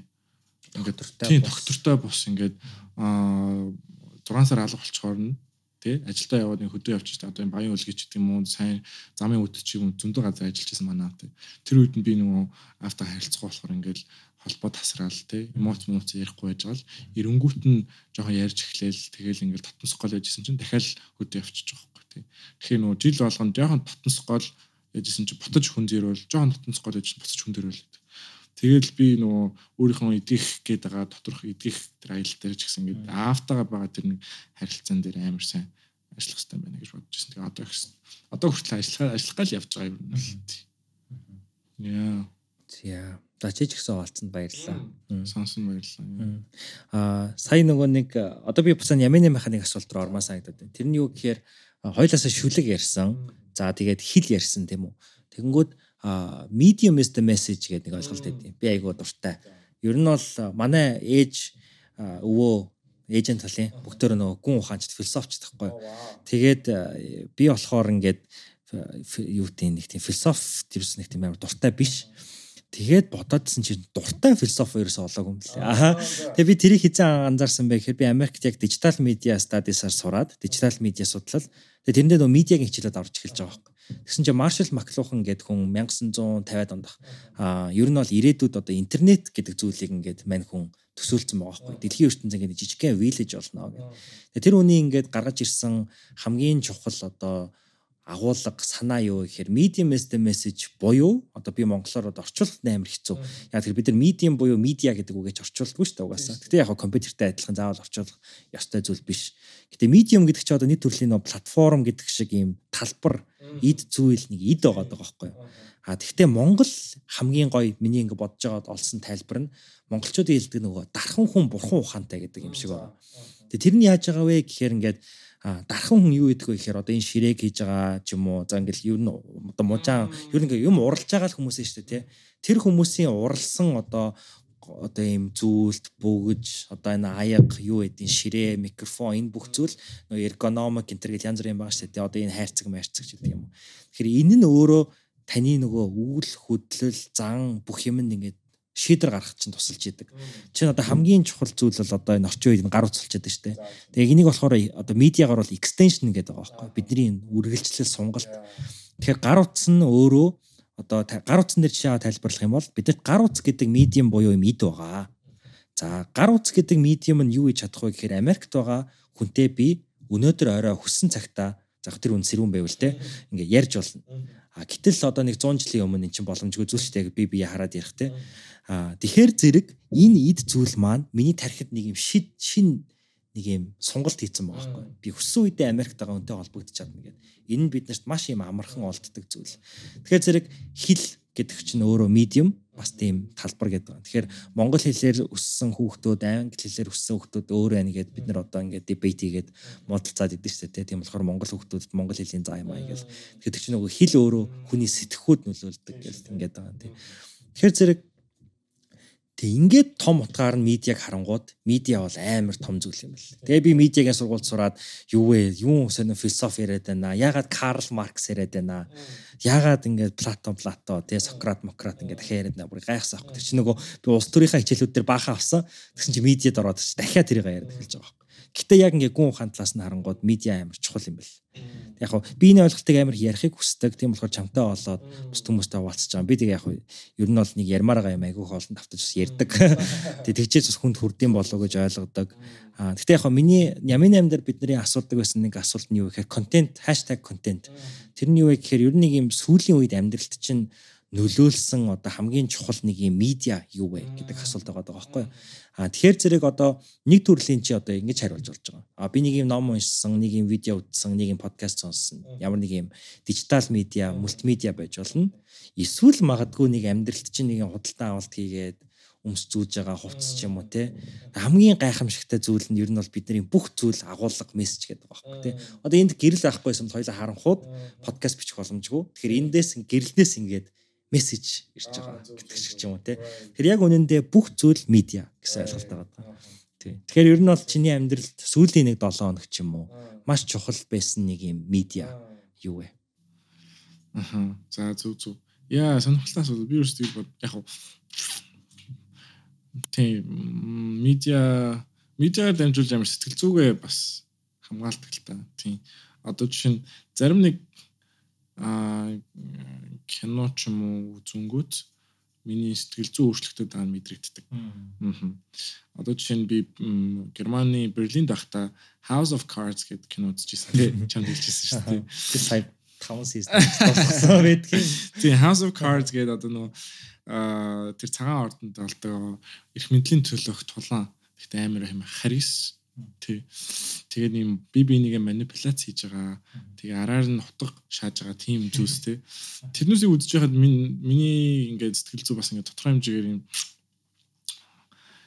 мэдлийн төлөө шунах тэр сэтэл нь айгүй хэсэд хүсэл хүсэл төрж байгаа ч гэх юм уу тий. Тэгээ ингээд бусад хүмүүст өөрийнхөө нөлөөг ихсэх эрх мэдлийг ихсэх тэр хүмүүсийн амьдралыг контролдох ч гэх юм. Тийм зан авирууд гарч ирсэн. Тэгэхээр тэрнээс хойш би ингээд бас яг үзэж байгаа юм амар фильтртэй сонгохгүй бол сэтгэл зүйд ингээд нөлөөлт юм байна гэж ойлгож ирсэн байхгүй юу. Тэгээ яг сэтгэл зүйн талаас хараад үзсэн бол айгүй одоо баримттай л зүйлтэй ягаад үг гэхээр үзэж яхад шин одоо кино үзэж яхад тэр кинонд болж байгаа үйл явдал гаргаж байгаа зан авир бидний тархинд яг ингээд бидний хийсэн үйлдэл шиг бидний хийсэн гаргаж байгаа зан авир шиг юм мэдрэлийн холбоос болж үүсэж үүсдэг байгаа байхгүй юу. Өөрөөр хэлбэл mirror neurons гэдэг ийм толин мэдрэл хийс гэж байдаг. Хүн юу н харж байгаа зүйлээ яг тэр хийж байгаа юм шиг одоо хүлээж авах боломжтой байдаг. Өөрөөр хэлбэл тийм чи одоо ингээд нөгөө юу ус уух гал ингээ гараа гараараа энэ аяа барьж байгаа шүү дээ. Түнгүүд би тэрийг зүгээр өөрөө ингэж байгаагүй мөртлөө харж ахт миний нөгөө нэг мотор neurons буюу ингээ гарыг хөдөлгдөг мэдрэлийн эсүүд тэгээ ингээд усуух гээд бэлтэж байгаа амны мэдрэлийн эсүүд дээр бүгдээ ажилласан байдаг байхгүй. Тэгэхээр шинэ чамаг зүгээр тэр үйлдэлийг хийж байгаад харж байгаа нь миний тархинд яг тэр үйлдэлийг өөрөө хийсэн юм шиг тийм мэдрэлийн холбоос үүсэх боломжтой. Ер нь үүсгдэг. Тэгэхээр нөгөө нэг бусад хүмүүсийг ч юм уу юу үзэж гин тэрийг болж хуурдаг гэдэг шиг медиага одоо юу сошиал медиа дээр юу контент ямар контент скрол хийж гин Netflix-ээр ямар кино үзэж гин тэр кинон дээр юу гарч ийн гэдэг чинь эргээд нөгөө заавар төлөвлөдөг юм тээ. Тэгээд яг би юу яжсэн аа Аргентин руу явахдаа нөгөө нэг кино кино үзээд нөгөө онгоцон дотор тэг онгоцон дотор Creed Creed-ийн 2 2 дугаар ангийг үзчихсэн байхгүй юу? Michael B Jordan тий. Тэгээд ингээд би Creed амар. Би яг нөгөө Rocky Balboa тэр жил дуртай. Яа, me too. Тэгээд Creed-ийг тэр үед нөгөө нэг эхний 1 дугаар ангийг үзсэн байсан. 1 дугаар анги нь яах вэ? Надад нэг бас яг maybe 10-аас өмнөх юм бол 7 мол байсан баг 6 ч юм тий. Тэгээ хоёрын заа ингээ үзчихгээд тэгээ тэр үед ингээ бүр онгоцон дотор хаг уйлаад яг тэгвэл тэр үед нөгөө ингээ өөрийнх нь төлөө тулалдж байгаа ч гэдэг юм. This is my fight гэдэрэг хэлээ ярьдаг хгүй. Эхлээд болохоор за яг спойлт ч тий. Хоёр удаа юу 3 дахь хин гарах гэдэг. Тий, хоёр удаа ингээд тулдаг байхгүй. Эхний төлөө эхний удаа болохоор аавынхаа нэр хүндийг хамгаалах гэж тулж байгаа байхгүй. Тий, Adonis Creed. Тий. Аа хоёр дээр нь болохоор энэ бол миний тулаан, миний хийх ёстой тулаан ингээд. Тэгэл ингээд ялаал. Тэгэл тэр ингээд амар тренинг гэж хийгээл тий. Тэрэнгүүт нь би шууд онгоцноос буугаал literally те нэг дараагийн өдөр нь ингээд жим бүртгүүлэл 3 4 сар явчихсан байхгүй. Тэгээ тэр бол ингээд над амар нөлөөсөн медиа тий. Зүгээр тэрийг үзээд эмоц мэдрээд хүн гүнзгий ийм inspiration авснараа би 4 сарын турш ингээд өөрийнхөө ковид гарталтай ковид локдаун болтол 4 сарын турш ингээд өөрийнхөө амьдралд эерэг нөлөөд гаргаж чадчих واخгүй тий заа амир. Тэгэхээр чиний хэлж байгаа шиг медиа амар хүчтэй юм билэ тэгээ тийм ч учраас би гэх юм уурыг бас ингээд инстаграм дээр хийх үстэгтэй яа гэвэл хүн ингээд хүртээмжтэй сэтгэл зүйн эрүүл мэндийн талаар контент амар гаргах нь ирээдүйд биднэрт бүгдэнд л хэрэгтэй. Тийм. Яа тэгвэл энийг үзэж байгаа жоохон ингээл 8 настай хөлт 10 настай хөлт 15 настай хөлт бүгдээ аа оо за ингээд цацаа шиг те эрэгтэй хүн ингээд нас нь би нас би төрсэн эрэгтэй хүн эмоцоо ярих нь окей юм байна гэж ойлгож байгаа юм тий. Тэгээд би яг өөртөө бас бодож исэн юм нь болохоор намайг ингээд 18 нас хүртэл Монголд байхад яг ингээд сэтгэл зүйн тал дээр рол модель болдог хүн байсан уу тий. Олон нийтэд ингээд нөлөөлөөд за тэгээд ингээд хуваалцах чи окей шүү гэж хэлж байгаа хүн байхгүйсэн бохоггүй. Тэнгүүд одоо болохоор би ингээд эмоцоо хуваалцах нь окей штэ гэж ярингуут хүмүүс чинь окей би ууртай байна гэж ярьж эхэлж байгаа. Тэнгүүд тэр чинь нөгөө жижиг юм шиг мөртлөө ингээд цаг хугацаа явах тусам ингээд шин шин үе тэ үеэс үе дамжих тусам ингээд тодорхой хэмжээгээр бид нэр амар сайн сэтгэл зүйн бэлтгэлтэй, сэтгэл зүйн боловсралтай, сэтгэлийн хаттай тэгээ ийм сэтгэл зүйдээр юу ч усан даваад тулах боломжтой тийм чадварууд тийм жоохон жоохноор ингээл ихсгэл авах гэж боддог. Яа. Баярлаа. А иго айго олон тийм бодогдлоо. Би яг нэг бас хам ном унших дээр бас яг надад тийш нөлөөлчихсөн номнууд айго олон байдаг. Тий. Тэгэхдээ тэр ном нь магадгүй зарим хүнд амар тэнэг ном байж ч болно шүү дээ тий. Зарим нь амар гоё. Жишээ нь миний одоо нэг жишээ бодогдод байгаа Crazy Rich Asians байгаа. Тэгээ тэр бол нөгөө кино шүү дээ тий. Аа гэтээ тэр айгүй олон номтой, бот номтой. Тэгээ Crazy Rich Asians уншингууд яг миний би одоо тийм баян айлтал өссөн гэсэн үг биш шүү. Гэтэ яг тэр нөгөө нэг Nick Young ч өөрөө яг нэг тийм феминин юм гэр бүл төсдөг байхгүй. Тэгээ аав маав нь жоохон нэг юм хол хүндий. Тэгээ өөрөө яг нэг тийм амар баха нөгөө антис гэдэг чтэй хятад их болж шүү. Тэгэл баха нөгөө антисууд нь амар тийм strong positionуудтай. Тэгэл team гэж төсдөг. Тэгээ өөрөө тэрийг амар toxic гэдгийг мэддэг мань хүн Ник Young. Гэхдээ тэгж хэлдэг хгүй юу. Би хэдий амар toxic хүмүүстэй өссөн ч гэсэндээ нөгөө орон зай маань өөрөө намайг ингээд нэг юм өөр өөртөө тоглох, өөрийгөө хөгжүүлэх, нэг тийм өөрийгөө зугаацуулах нэг юм ертөнц миний хувьд байсан болохоор би яг энэ spaceтэй амар хайртай байдаг. Яг хэдий тэр хүмүүс нь токсик байсан ч гэсэндээ энэ орон зай миний өсөж төрсэн энэ гэр орон бол надад айгүй чухал байсан гэл тиймхүү юм ярьцсан. Тэгэл тэгэнгүүт яг тэр нөгөө ирээдүгөө одоо би өнгөрснөө би жишээ нэг харж байгаа байхгүй. Өө нэрээ би бас яг тийм шүү дээ. Магадгүй ингээд дан эмхтэй хүмүүстэй өсөх чинь бас тийм дан бас позитив юм биш шүү дээ. Тий. Тэгэхдээ мэдээж гэр бол өөр л байгаа л да. Манай гэр бүлийн хувьд бол жишээ нь нэг тиймэрхүү л байгаа байхгүй. Сайн зүйл маш ихтэй. Гэтэ бас юм эмэгтэй хүмүүсийн хооронд бий болсон тийм одоо эгч дүүнрийн эгч эгч дүүнрийн хооронд байгаа юм харилцаа марилцаа бол мэдрэгдэж байгаа. Гэтэ it's okay. Тэгээ би яг тэр орчинд өссөн гэл. Тэгээд одоо нөгөө юм тодорхой хэмжээгээр бас одоо ингээд хүчрхэг эмгчүүд эмгтээчүүдийн дунд шүү дээ тий. Тэр өсөж байхад ингээд хэцүү байсан зүйл юу вэ? Бас ингээд сурсан зүйл юу байгаа юм? Мм яг хоо зөв хүлэн зөвшөөрч сурах амар чухал байсан баха. Сул тал нь юу вэ гэхээр сул талд эргээд даваа тал болж байгаа юм л да. Тэрний үг гэхээр нөх хүчрхэг эмгчээд ч айгүйх provide хийдэг. Ингээл өө за би аргалаад үгүй. За би болгочих. Маа энэ хувцыг чи өмс гэл те. Эзэж би өөрөө нэг юмны төлөө fight for хийдэггүй. Дандаа ингээ provided байдаг. Тийм эмгтээлэг гэр бүл төсөнгүүд. Тэгэнгүүт яг дарчин дараа нь амьдрал туслай болж байгаа хөөхгүй. Аа. Тэрийг өсөд ш тий. Яг ингээд зовоод эхлэнгүүтээ ёо. Манай их ч одоо мөнгө өгчдөг. Ёо гэл тэгэл тийм юм одоо хүртэл ингээд страгл хийх юмнууд байгаа хөөхгүй тий. Ингээ өөрөө нөгөө нэг эрэгтэй хүн ч нөгөө breadwinner ингээд өөрөө олдог өөрийгөө provide хийдэг гэдэг. Тэгтээ тийг өөрөөсөө илүү нөгөө бусад хүмүүст өгөх хэрэгтэй. А эмэгтэй хүн ч болохоор шууд ингээл өгөөлэдэг. Тэгээ ер нь асуудлын өмнөөс нь шийдэх гэдэг нэг тийм сул тал байгаа. А нөгөө талаар болохоор манай ээж болохоор надаа ээж бас айгүй чамтай төстэй ээж магадгүй. Тэрний юу гэхээр ээж өөрөө 90-ад оноос өмнө угаасаа ингээд соёл урлаг судлаач байсан байхгүй. Тэгээ одоо саяны тэр чи нөгөө ямар контент одоо авч гин тэр амар чухал гэдгийг жишээ нь ээжийн нэг юм докторийн ажил дээр номон дээр нь бичсэн байдаг байхгүй. Тэр нь юу гэсэн бэ тэгэхээр мэдээллийн чанараас амьдралын чанар хамаарна гэдээ ээж бичсэн байдаг номон дээр. Тэгэл манчи яг тэрийг уншаал а одоо ийм төсөл мөслөөр хичүүлэх юм байна. Контент контент хийх юм байна гэж надад амар нөлөөлжсэн. А тэгтээ бараг бас ээжийн бас надад нэг юм нөлөөлсөн юмнуудыг амар soft power-аар.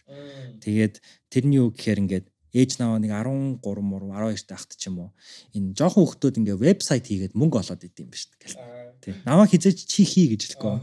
Тэгэнгүүт амар сонирхолтой байгаа юм чаа. Яаж нэр вебсайт хийх юм бол? Яаж мөнгө олд юм бол гэд. Тэгээ би яг 13 тагаас ахуулаа вебсайт хийж эхэлж ирсэн. Тэгэл нэг тухайн үедээ и залуус малус гэл тухайн үедээ л хамгийн амар popular болж исэн сайт майттай болцсон нэг мэдсэн чинь. Тэгэл suggest хийдэг амар soft power-аар. Тэгэл ээж бол одоо жишээ нь багаас бах баг байхаас намайг ингээд чи яагаад ингээд солонгос улс амар хөгжсөнийг мэдхүү Korean Development Institute KDI гэж байгууллага байдаг. Энэ нь болохоор юм а think tank гэж нэгж байгаа байхгүй. Тинчээ ямар ч бакалаврын оюутнууд байхгүй, доктор, магистрийн оюутнууд судалгаагаа хийгээд улс орноо хөгжүүлэх талаар ингээд судалгаагаа хийгээд тэгээ сураа диплом аваад ингээд гардаг ийм институт гэл те. Тэнгүүд одоо тэр миний мөрөөдөл тийм think tankтай болсон. MDI. Тэгээ MDI те. А гэтээ мэдээж тийм юм ганцаараа хийхгүй шүү дээ те. Чи ингээд шатараалттай Тэгэл одоо ингээл бид нар ингээл найзуудаараа нийлээл ингээл медиа энтер ажиллаж байгаа чинь чи төсөөлтөө think tankтай. Тэгсэн мөртлөө медиатай байвал бид нар ингээм амар юм чухал агуулгуудыг өөрсдөө оригинал юмнуудыг боловсруулангуудаа медиа гараад дамжуулаад соёнгийн гэрүүлэх ажлыг хийнэ гэдэг чинь амар power. Тэнгүүд одоо хүртэл бид нар ингээ хийж байгаа юм маань одоо миний хувьд бол ягаад би нэг ингээ гар бие оролцоо явж гингүүд бас л ээжийн надад ингээ баг багт хэлж исэн юмнууд. Тэгээ би өөрөө мастера development practice гэдэг мэрэгчлэр хийж байгаа хөгжлийн арга зүйч. Яг тэгэхээр ээж нэг 10 жил тахт яаж энэ улс орнд хөгжснийг мэдгүй гэж яриад байгаа байхгүй. Японд тийм байдаг, Солонгос тийм байдаг гэд. А гэхдээ надад бол ээж хизээж чи мэрэгчлээ сурчих гэж хэлж байгаа. А илүү бусад хүмүүс нөө гадны хүмүүс гэж шүү дээ. Ээжийг одоо дотоод хүн гэж тооцох юм бол бусад хүмүүс ингээ намайг чи инженер болчих, IT инженер болчих. Яг би амар компьютертай сайн байсан. Ийзалс малсуудын сайт чи ингээ компьютер компьютер хактдаг тийм амар код мод бичдэг сайт байсан аахгүй тий. Тэгэл тэрийг нь хараад Тэгэл нөгөө хамаатнууд чинь ганц хоёр ингээл компьютер асуудал засчихгод аа манай инженер гэлдэг шүү дээ. Яг л тийм бас тий. Тэгэхээр яг ээ манай ээж өөрөө тийм онцлогтой юм уу? Эсвэл ер нь эмгтэй хүн тийм юм уу те? Ер нь юм шууд хэлэхгүйгээр ийм suggest хийгээд улс төрөөр их юм бол нэг юм soft power-аар ингэж нөлөөлдөг. Төв зөв. Тэр нэг. Тийм байх тий. Soft power. Яа. Аа. Сонсоод амар сонирхолтой байна. Яа. Яг манай би бол имид дээр бас нэлээд өсөн өссөн хөх тахгүй. Имээ үг юу. Тэгээд эмээ ээж хоёртой бас аим одоо яг эмоцийн хувьд ярих юм бол яг аим тийм юмнуудаа амар сайн хуваалцдаг. Тэгээ манай ч гэсэн ер нь soft power шүү дээ. Нүл soft power. Тэгэл эмээ бол намайг шүү загиндгүй тий. Тэгэл надад ингээл ихтгэл хайрладаг.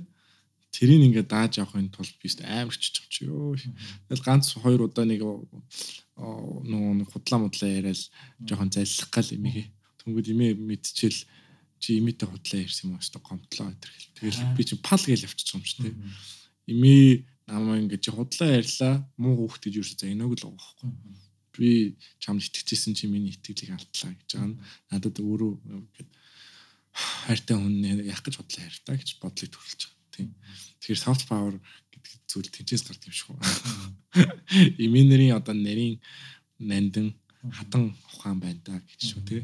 Тийм. Тэгээд эмээгээс би хүнд ер нь хүн хүнд одоо ихтгэл найдвар хайрлах ингээд бас хайрлахыг сурсан юм шиг санагддаг. Яа, тэгэл нөгөө нэг одоо сэтгэл зүй өдр ингээл явж байгаа шүү дээ. Тэгээд ингээд сэтгэл зүй гээд явж байгаа ч гэсэн нөгөө сэтгэл зүй хийж байгаа хүн ч өөр бас ингээд хайр халамж өгч чадахгүй бол хэцүү шүү дээ. Би ингээд онл яриад амар хүд хүнд хайрцаатай байж болох байхгүй тий. Хүүхдүүдтэйгээ 8-аас 13 насны хүүхдүүдтэй ялангуяа ажиллахад оо та нар ингэдэг юм уу чинь энэ зүйл тэгэл нэг багш шиг нь байж болох байхгүй тий. Гэтэ яг ингээд хүнд нөгөө нэг сэтгэл зүйн том том онл яриад ингээл тий томрол ингээл нойрдлол интеллект ингээл бодол модал янз бүрийн юм яриалахаас илүү хайр халамж өгч байгаа гэдэг чинь өөрөө бас юм хамгийн том сэтгэл зүйн хичээл юм шүү. Тийм. Яг л хүн хайрлагдсан үедээ амар тийм 50 мэдрэмж аваад 50 мэдрэмж авсан үедээ ад жаргал мэдрээд бусад хүмүүст хайр хүртээж болдог. Өөрөө бас өндөр бүтээмжтэй, чинээр юм сурах боломжтой, өсөн дэвчих боломжтой болдог тий. Тэгэхээр найстан сая бодож ирсэн юм нь болохоор нөгөө ээж чинь ингээл чамаагаас амар тийм ивэр тий гой өссөн байна тий хоёлаа тэг яг одоо энэ хүчрхэг эмгтээчүүдийн тий зүгээр продакт нь болчихж байгаа хөөх тий бидний бидний бүтээсэн хүмүүс бол ээж аав. Тий тэгээд тэдний хайрынх нь л одоо үргэлжлэл нь бидний яваад байгаа юм шиг санагдлаа гой гой гой дүгнэлттэй яа. За хоёлаа ер нь баг 2 цаг дөгч гин подкаст тэгэхээр хоёлаас дуусах гэх шиг дөхөх нь зүг байх гэж бодож байна. Тэгээ хоёлаа энэ картууд айгаа баг хэрэгэлсэн. Тэгэхээр сүүлийн картыг чи суулчт юм уу? Тэгээ сүүлийн асуулт гэж тооцъё. Чи. За. Гой асуулт ирээсэ. Аа. За, та эрсдэлтэй шийдвэр гаргадгүй. Эрсдэл гаргасандаа хамсаж байсан удаа би юу гинэ. За. Чи хариулна шүү дээ. Хоёр нийч. Манай бие ба бодол картыг аваарай шопи зарагдчихж байгаа. Удахгүй энэ төр ном зарагдах болно. Мөн гурван гал барилгын хоёр давхартай байдаг Baby World гэдэг дэлгүүрээс авч болно шүү. Хамгийн гол нь ашиг нь биднэрт ирэхгүй. Ашигын бус сэтгэл зүйн санд орох юм. Sorry, амар рекламын пауз явуулсан. Сайн яг гоё явуулсан. Яа, эртэлтэй шийдэл зөндөл гаргадаг. Яа, миний бодлоор эртэлтэй шийдэл гаргаж иж амар амттай болт юм шиг санагдчих амьдрал. Тэгэхгүй бол ингээд яг аа нөгөө нэг эрсдэлтэй гэдэг нь юу гэсэн үг? Миний хувьд айгууч хардаг гэхээр нөгөө хийж чадахгүй юм шиг те чадах юм шиг яг ингээд бүр ингээд за би нэг уусаал баг нүдэн хачаад хийж нэ гэсэн юм хийхээр жоох амт муутай юм шиг санагддаг. Аа фейлдэж магадгүй фейлдэхгүй ч магадгүй. Чи ингээд жоохон өөрөө ингээд дотроосоо хөгжиж энийг бүр 100% хийн гэсэн тэ одоо яг би яг одоо одоогийн байдлаараа хийх гэхээр maybe яг 60% ч юм уу 50% 60% тэл хийх бах. Гэтэ би энийг хийх бүр ингээм амжилттай хийхин тулд өөрөө өсөх ёстой. Тэгэхээр өсөж чадах уугүй гэдгийг харахын тулд хийгээд хэрэг чадахгүй бол фейлдэн чадах юм бол фейлдэхгүй гэдэг ч юм уу. Тим нөхцөл байдалтай байх юм бол амар гоё санагддаг. Тэгээ би одоо гигэмурч гэсэн тий амар комфорт зоноос гарч байгаа байхгүй. Йоо амар хэцүү шүү дээ. Би ч одоо ингээл яг нэг талаас зүгээр сайентист хүн баггүй юу. Тэ ингээ яг сэтгэл зүйн судалгааны ажлууд амар унших дуртай. Тэгэхээр ингээ юм шинээр мэдээд тэгээ хүмүүстэй яг тодорхой хэмжээгээр ажиллана те хүүхдүүдтэйгээ ажиллах дуртай. Аа багшийн ажилд бол айгүй дуртай. Миний хамгийн дуртай ажил багшийн ажил. Тэр хүндийн одоо амьдралд ингээд шин мэдлэг, шин чадвар олгоод тэр хүн ингээд өөрийнхөө амьдралд ингээд сэтгэл ханамж аж аргал авчрах боломжоо харж байгааг нь хараад те би өстө үнэхээр бахархдаг. Аа гэтэл гигамори хийсэн чинь яасан бэ гэхээр ингээд төрийн бас байгууллага байгуулж байна. Санхүүгийн одоо янз бүрийн мэдлэгтэй болох болч боломжтой болж байна. Хүмүүстэй negotiate хийгээд ингээд гэрээний одоо гэрэг контракт зургаа тэгээд ингээ үнэ тохиролцох хэрэгтэй болсон. Тэ тэгээд ингээл янз бүрийн байгууллага дээр очиж хүмүүстэй ярина тэгэл нетворкинг хийн шин шин ийм скиллүүд амар шаардлагатай болсон. Тэгээд гэгм биш ээ. Би ба бодлыг зарах гэж зарж лээ ба шүү. Тийм шүү дээ. Бид нар багаараа бас би ба бодлыг зарах гэж хэвээр хамаг нөгөө арга хідэн мэхэ гэдэг лээ. Эр хүний 13 мэхэлөө тэрийг хийх гээл яваалах шүү. Тэгэл нөгөө нэг тэр чинь ингээ нөгөө comfort zone-оос гараад одоо ингээл businessman шиг, entrepreneur шиг, salesman шиг ингээд сэтгэх аашлах зан авир гарах хэрэгтэй болол тэгэхээр надад бол жоохон хэцүү баг. Тэр нь бол тэр нь бол миний одоо яг мэдэрч байгаа тийм даваанууд. Тийм. Гэтэ яг тэрийг ингээд давхгаа явж байгаа нь өөрөө ямар тийм амттай байхгүй. Тэгэхээр би эрсдэлтэй шийдвэр гаргадаг гэж бодож байна өөрийгөө. Гэтэ нэг амар харамсаад байдаг баха. Яа тэгвэл гаргахтаа яг энэ төлөө гаргаж байгаа амар сайн боддог. Одоо л гигеморыг бол ингээд амьдралын зорилгын төлөө хийсэн ахлан гэж боддог. Тэ одоо ингээл би бусад хүмүүс туслахыг хүсдэг. Ам тийм compassion буюу дотор байдаг юм нэг энэрнгүү сэтгэл дээрээ үндэслэж юм хийхийг хүсдэг. Тэрэнгүүрээ дамжуулаад гигамор хийж байгаа. Тэгээд ингээ би ба бодол хэсэг адилхан тэр амьдралын зорилготой нийцэж байгаа учраас нөгөө нэг хийж байгаа why буюу яагаад гэдэг нь амар том болохоор нэг амар хамсаад байдаг юм шиг санагддаг. Аа хэдий эрсдэлтэй шийдвэр гаргахад бас нэг амархан болгож байгаа зүйл нь магадгүй хань болж байгаа, тусал дэмжиж байгаа тийм үү. Тийм шүү тий. Yeah, for sure. Одоо гигамор дээр одоо манай найз зөвхөн туслах хшаар ажиллаж байгаа. Амар намайг спортлдог ёо. Хайрта хайртай гэж хэлье. Яна. Sorry. Аа. Чи дахиад илүү юм ярьсан ч болно. Харин түрүүн рекламдаа сая бас найз зөвхөнтэй мессеж явуулж жоохон ашиглаад тах шиг байна. Гэтэ зүгээр үстэй. Тийм тэгээд манай хамаатны их цус туслах гэж ажиллаж байгаа. Манай найзууд гигамар дээр амар тусалдаг. Тэг гэсэн одоо ингээл өмнөгөөрөө collaboration хийгээл тусалж байгаа тий. Тэгэхээр амар тийм амар бол тийм дэмжлэг авч юм шиг мэдрэмж төрж байгаа. Тэгэхээр гойд шүү. Ерөнхийдөө амар тийм айцх байдаг. Хүмүүс туслана гэж бодож байгаа. Яа өнөөдөр би бас чамаг нөгөө эрсдэл аваад амьдралыг амар гоё амттай болгодсон штэ гэдгийг сонссон чинь надад шууд төрж байгаа юм.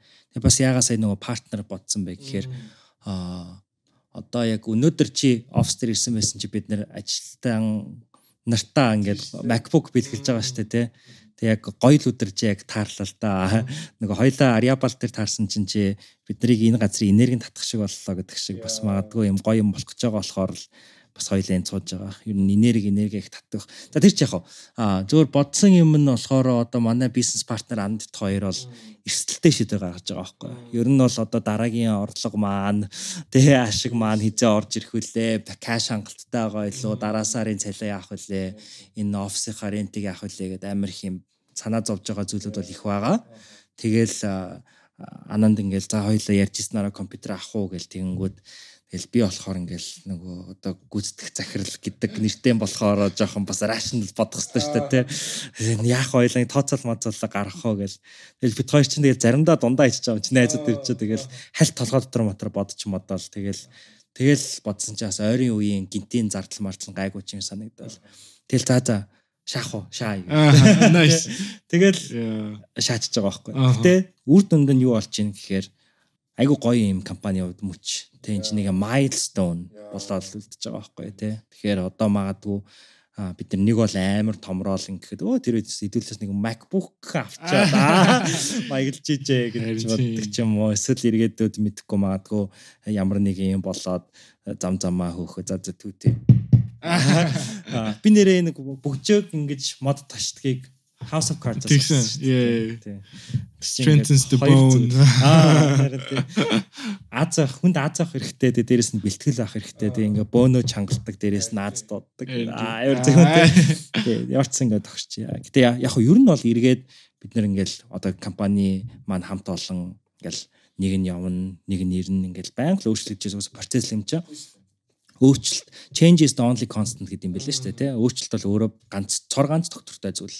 Тэгэхээр зэрэг дараа нь эргээ харахад бас л гой дурсамж байгаа байхгүй амьдралыг нэг амттай болгосон тэгэл жоохон бахта хүмүүсийн Instagram story-г хараад ажилтан нартаа ингээл компьютер билүүхөр вау амар гоё бүр MacBook юм уу гэж боддог байсан. Тэгэл өнөөдөр бол өөрөө бид хоёр ингээл яг тэрийг мэдэрч байгаа. Гэтэ ганцаараа байсан бол ч юм уу би ганцаараа байсан бол ч юм уу анд ганцаараа байсан бол ч юм бас ингээд зөрөгтэйшээ гаргахад хэцүү те. Тэгэхээр зэрэг эрсдэл гаргах нь амьдралыг амттай болгох гэдэг би санал нийлж जैन. Тэгээ дээрэс нь партнерууд амар чухал юм шиг байна. Тэгэл одоо бид хоёрын ингээл сууж байгаа энэ карт тоглож байгаа картыг энэ орчныг бүх юмыг л одоо энэ өрөөний бас гайгүй ингээл дуу аваа ингэж яаж байгаа орчныг бий болгох гэж л манай манлай чуноо хоёр ингээл хэдэн хоног баг гэртээ ярихгүй марихгүй ажилласан юмнууд ч байгаа байхгүй тий. Тэгэхээр ингээл айгүй хүмүүсийн хүчхөдөлмөр хөлсөөр бүх зүйл бүтдэг. Тэгэл бүгдөө л эрсдэл гаргаж байгаа. Тийм шүү тий. Тэрэндийг амттай болгох юм шиг. Би тэгээ түрүүн нөгөө юу яасан шүү дээ. Юу жоон шинэ скил сураад байгаа гэсэн шүү дээ. Тэн дээр яг нөгөө нэг тусламж entrepreneur болж байгаа юм байна шүү дээ. Тусламж гоох скил тийм. Одоо өмнө нь болохоор ингээл юм гэмээр ганцаараа л хийчих гэдээсэн тийм. Ингээл яг бол хүмүүсээр юм хэлэх гэхээр нөгөө нэг сан хүн сэтгэл төрөхгүй. Тэгэл айд тийм айд яг миний хүснээр хийж чадахгүй. Тэгээд амар юм удаан байгаад идэх байхгүй нөгөө хүмүүс нь яг яг энэ өнгөрсөн үед те. Тэгээд ер нь багасаа тэгээд нөгөө нэг A student тий одоо ингээд онц сурт хүүхдүүд мөхтөд чинь ер нь бол багийнхаа ажлыг ганцаар баг хичээл тий тэгэл багийг авч гардаг ч юм уу тий эсвэл тэгэл энэ энэ хэдийн маань яад юм. Би өөр гоё сайн хийж ч юм уу. Тийм мэдрэмжтэй байсан байхгүй тэгээд сая би бас анзаарсан юм. Гигэн мөр төр ингээд тусламж гуйж чадахгүй тусламж хэрэгтэй гэдгийг ойлгоод байдаг. Тэгээ өөрийгөө хичмээр байдаг. Тийм багшин тэгээ тэн дээр яг ийм зан авирын өөрчлөлт гарсан байхгүй тэн дээр нь аа манай найз охин амар сайн тусалсан. Яг чи яа ингэж байна. Тэгээд ингээд хамтдаа ивэл илүү хурдан байж болно шүү дээ. Тэргээл тий. Тэгээд би тэн дээр яг одоо 2 сарын үед ч үлээ нөгөө нэг сэтгэл зүйн клубээ зарлах гал тэгэл бүх юм амжуулах ганцаар яваад гэж чадахгүй. Тэгээд за зугасаал амжихгүй юм байна те би бас ийм амар том ийм мишн те амар том даалгавартай амар том алсын хараатай юм хийж байгаа юм биш ганцаараа явах гэж болохгүй юм байна гэдэг. Яг би юм би махбат дөр ингээд цус хөлсөөрөө гэдэг шүү тийж мэдэрсэн байхгүй. Тэгээд тэрнээс хойш ингээ хүн болгоны тусламжийг авахыг хүсэж байгаа. Юу ч чадвал яа тэгвэл чиний хэлсэн шигтэй ингээд ганцаараа maybe чадж магадгүй онлын хувьд. Гэхдээ ганцаараа хийгээд тэгээд ард нь гарсны дараа нэг тийм гой мэдрэгч болов олуулаа хийгээд тэгээд олуулаа асуудалтай байсан ч гэсэн олуулаа яваад нэг нэг нэгээ спорт хийгээд тэгээд энэ нэг том асын харааныхаа ард гараад те тэгээд хүссэн зүйлдээ хүрэх нь амар амттай юм санагдаж байгаа. Тэгээд тэн дээр бол мен ч бол сүүлийн үед ажиллаж байгаа. Тэр бол тийм хада hyper independent гэж ярьдаг те. Хит их ганц би хит их бие даасан хүмүүс байсан хүн байсан бохоггүй би. Тийм. Тэгээ одоо бол ингээд жоохон тавираад ах хүмүүст жоохон партнершип тийм ингээд хүн ажилуулад тийм ингээд тусламж аваад явж байгаа тийм. Тэр нь амар чухал юм шиг санагдсан. Тэгээ энэ өргөө хоёлоо подкаст дуусгая гэж бодож байна. Тэгээд надад бол харамсалтай байна. Гэхдээ яг уу цацаад бол ярих юм амар их байдаг. Гэхдээ цацаатаа ярих юм амар их байдаг. Тэгээ одоо жишээ нь яриаггүй юм амар их байна л да. Одоо нэг Сан Францискод буцаж очиод цайны багштай болоод цайны багш нь цайгаар дамжуулж трама ярьж өгөөд үед амьдсан трамаас ярмаар байна. Зөндөл юм ярмаар байна. Гэтэ цацаагинд очиж цай уух амар гоё идэг. Тэгээ магадгүй дараагийн удаа цайтай подкаст хийхгүй явдаа гэж би сая амар их бодлоо ер нь бүх цагийн үеийн турш. Тэгэхээр магадгүй цацаа маань ч гэсэн бас өөр ингэсэн юм цайтай подкастаа хөтлөөд явах юм бол бид нэр Яа, чи төвчин болоод очоорой. Хоёулаа. Өнөөдрийн подкаст зөвхөн part 1. Харин тий. Би бол тэгэж бодож जैन. Тэгээд би бас цацаад өөртөө ч гэсэн хэлсэн те. Ер нь бол одоо Instagram бол ингээм амар лонг, short штэ те. Тэгэл чи баг бүжиглээл дуусч байгаа. Үнэ. Яг ингээд long format-аар хүн ярина гэдэг чинь амар өөр. Тэгээ подкаст яагаад амар чухал платформ бэ гэхээр медиумын хувьд те медиагийн хувьд яагаад амар чухал гэхээр бид айгу удаан ярьж байгаа. Тэгэхээр зэрэг энэ медиа нь өөрөө мессеж байгаа байхгүй. Тэгээ энэ платформ чинь өөрөө ингээд бид хоёр гүн холбогдох хэмжээнд яаж байгаа. Тэгээ подкастыг бол хүн 2 цаг тийсээ сонсч чаддаг. Одоо манай энэ подкаст байнга бичдэг манлаа бол амар сайн мэдж байгаа тий. Тэгэхээр тийм л энэ дараагийн удаа хоёлаа цайтай эргээд уулзах гэж бодож байна. Тэгээ бид нар нөгөө подкастынхаа сүүлд нямын 8 дээр ингээд эцсийн нэг юм орон зайг чамд үлдээ гэдэг үлдээд байхгүй юу? Тийм. Тэгэхээр яг тэр орон зайг чамд үлдээ. Хоёлаа орон зайгаар юу баг яриагаа эхлүүлж исэн те. Тэгэхээр юу ч хийсэн болно чи энэ карта зарж болно. Өөрийнхөө тухай ярьж болно, клуб ярьж болно Тий, юу ч ярьсан яах вэ? Гэтэ ер нь бол яг үнэндээ миний амьдралыг жоох easy болгоод энэ подкастыг дуусгаад өгөөч. Зөө зөө. Аа, яа, миний хувьд ингээд амар тухтай байлаа сая.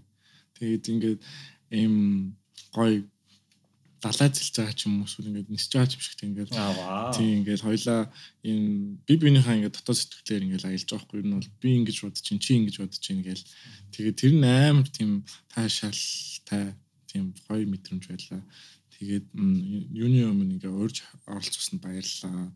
Тэгээд яа намайг бас ингээд тодорхой хэмжээгээр зарим тохиолдолд ингээд подкастт оролцдог ч юм уу видеонд оролцдог ч юм дэмждэгт баярлдаг шүү тий Тийм тэгээд I love үннү.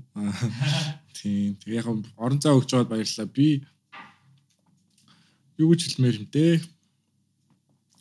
Ам яа миний бодлоор ам миний дотор байдаг тийм дулаахан тийм мэдрэмж байдаг. Дулаахан нэг тийм одоо ингээд кемпингээр яваад те хөдөө явж хахад нэг түүд гал хасаад хажууд нь очихор нэг гоё юм ээдэг тийм гал байдаг шүү дээ тийм одоо бидний ингээд найзуудаараа ингээд тойр цугаад ингээд гоё дуу муутан дулаа тийм гоё ажиргалтай амар амлан байх одоо байх боломжийг өгдөг тийм гал байдаг шүү дээ. Тийм гал миний дотор байдаг байх гэж боддог байхгүй. Тэгээ тийм гал ер нь мэдрэгддэг. Тэгээ тэр галыг амар олоход амар урт хугацаа зарцуулсан ер нь бол тийм. Тэгэл түрүүний хэлсэн шиг те Сан Францискод очиод те сэтгэл санаа унаал хятадд очиод солонгост очиод энтэгт очиод тэгэл тэр галаа олохгүй л өртөхгүй л юу яваад исэн те. Тэгээ би а Монголд ирэхээс өмнө 3 сард яг яах вэ гэж бодоод амар хэцүүсэн байхгүй.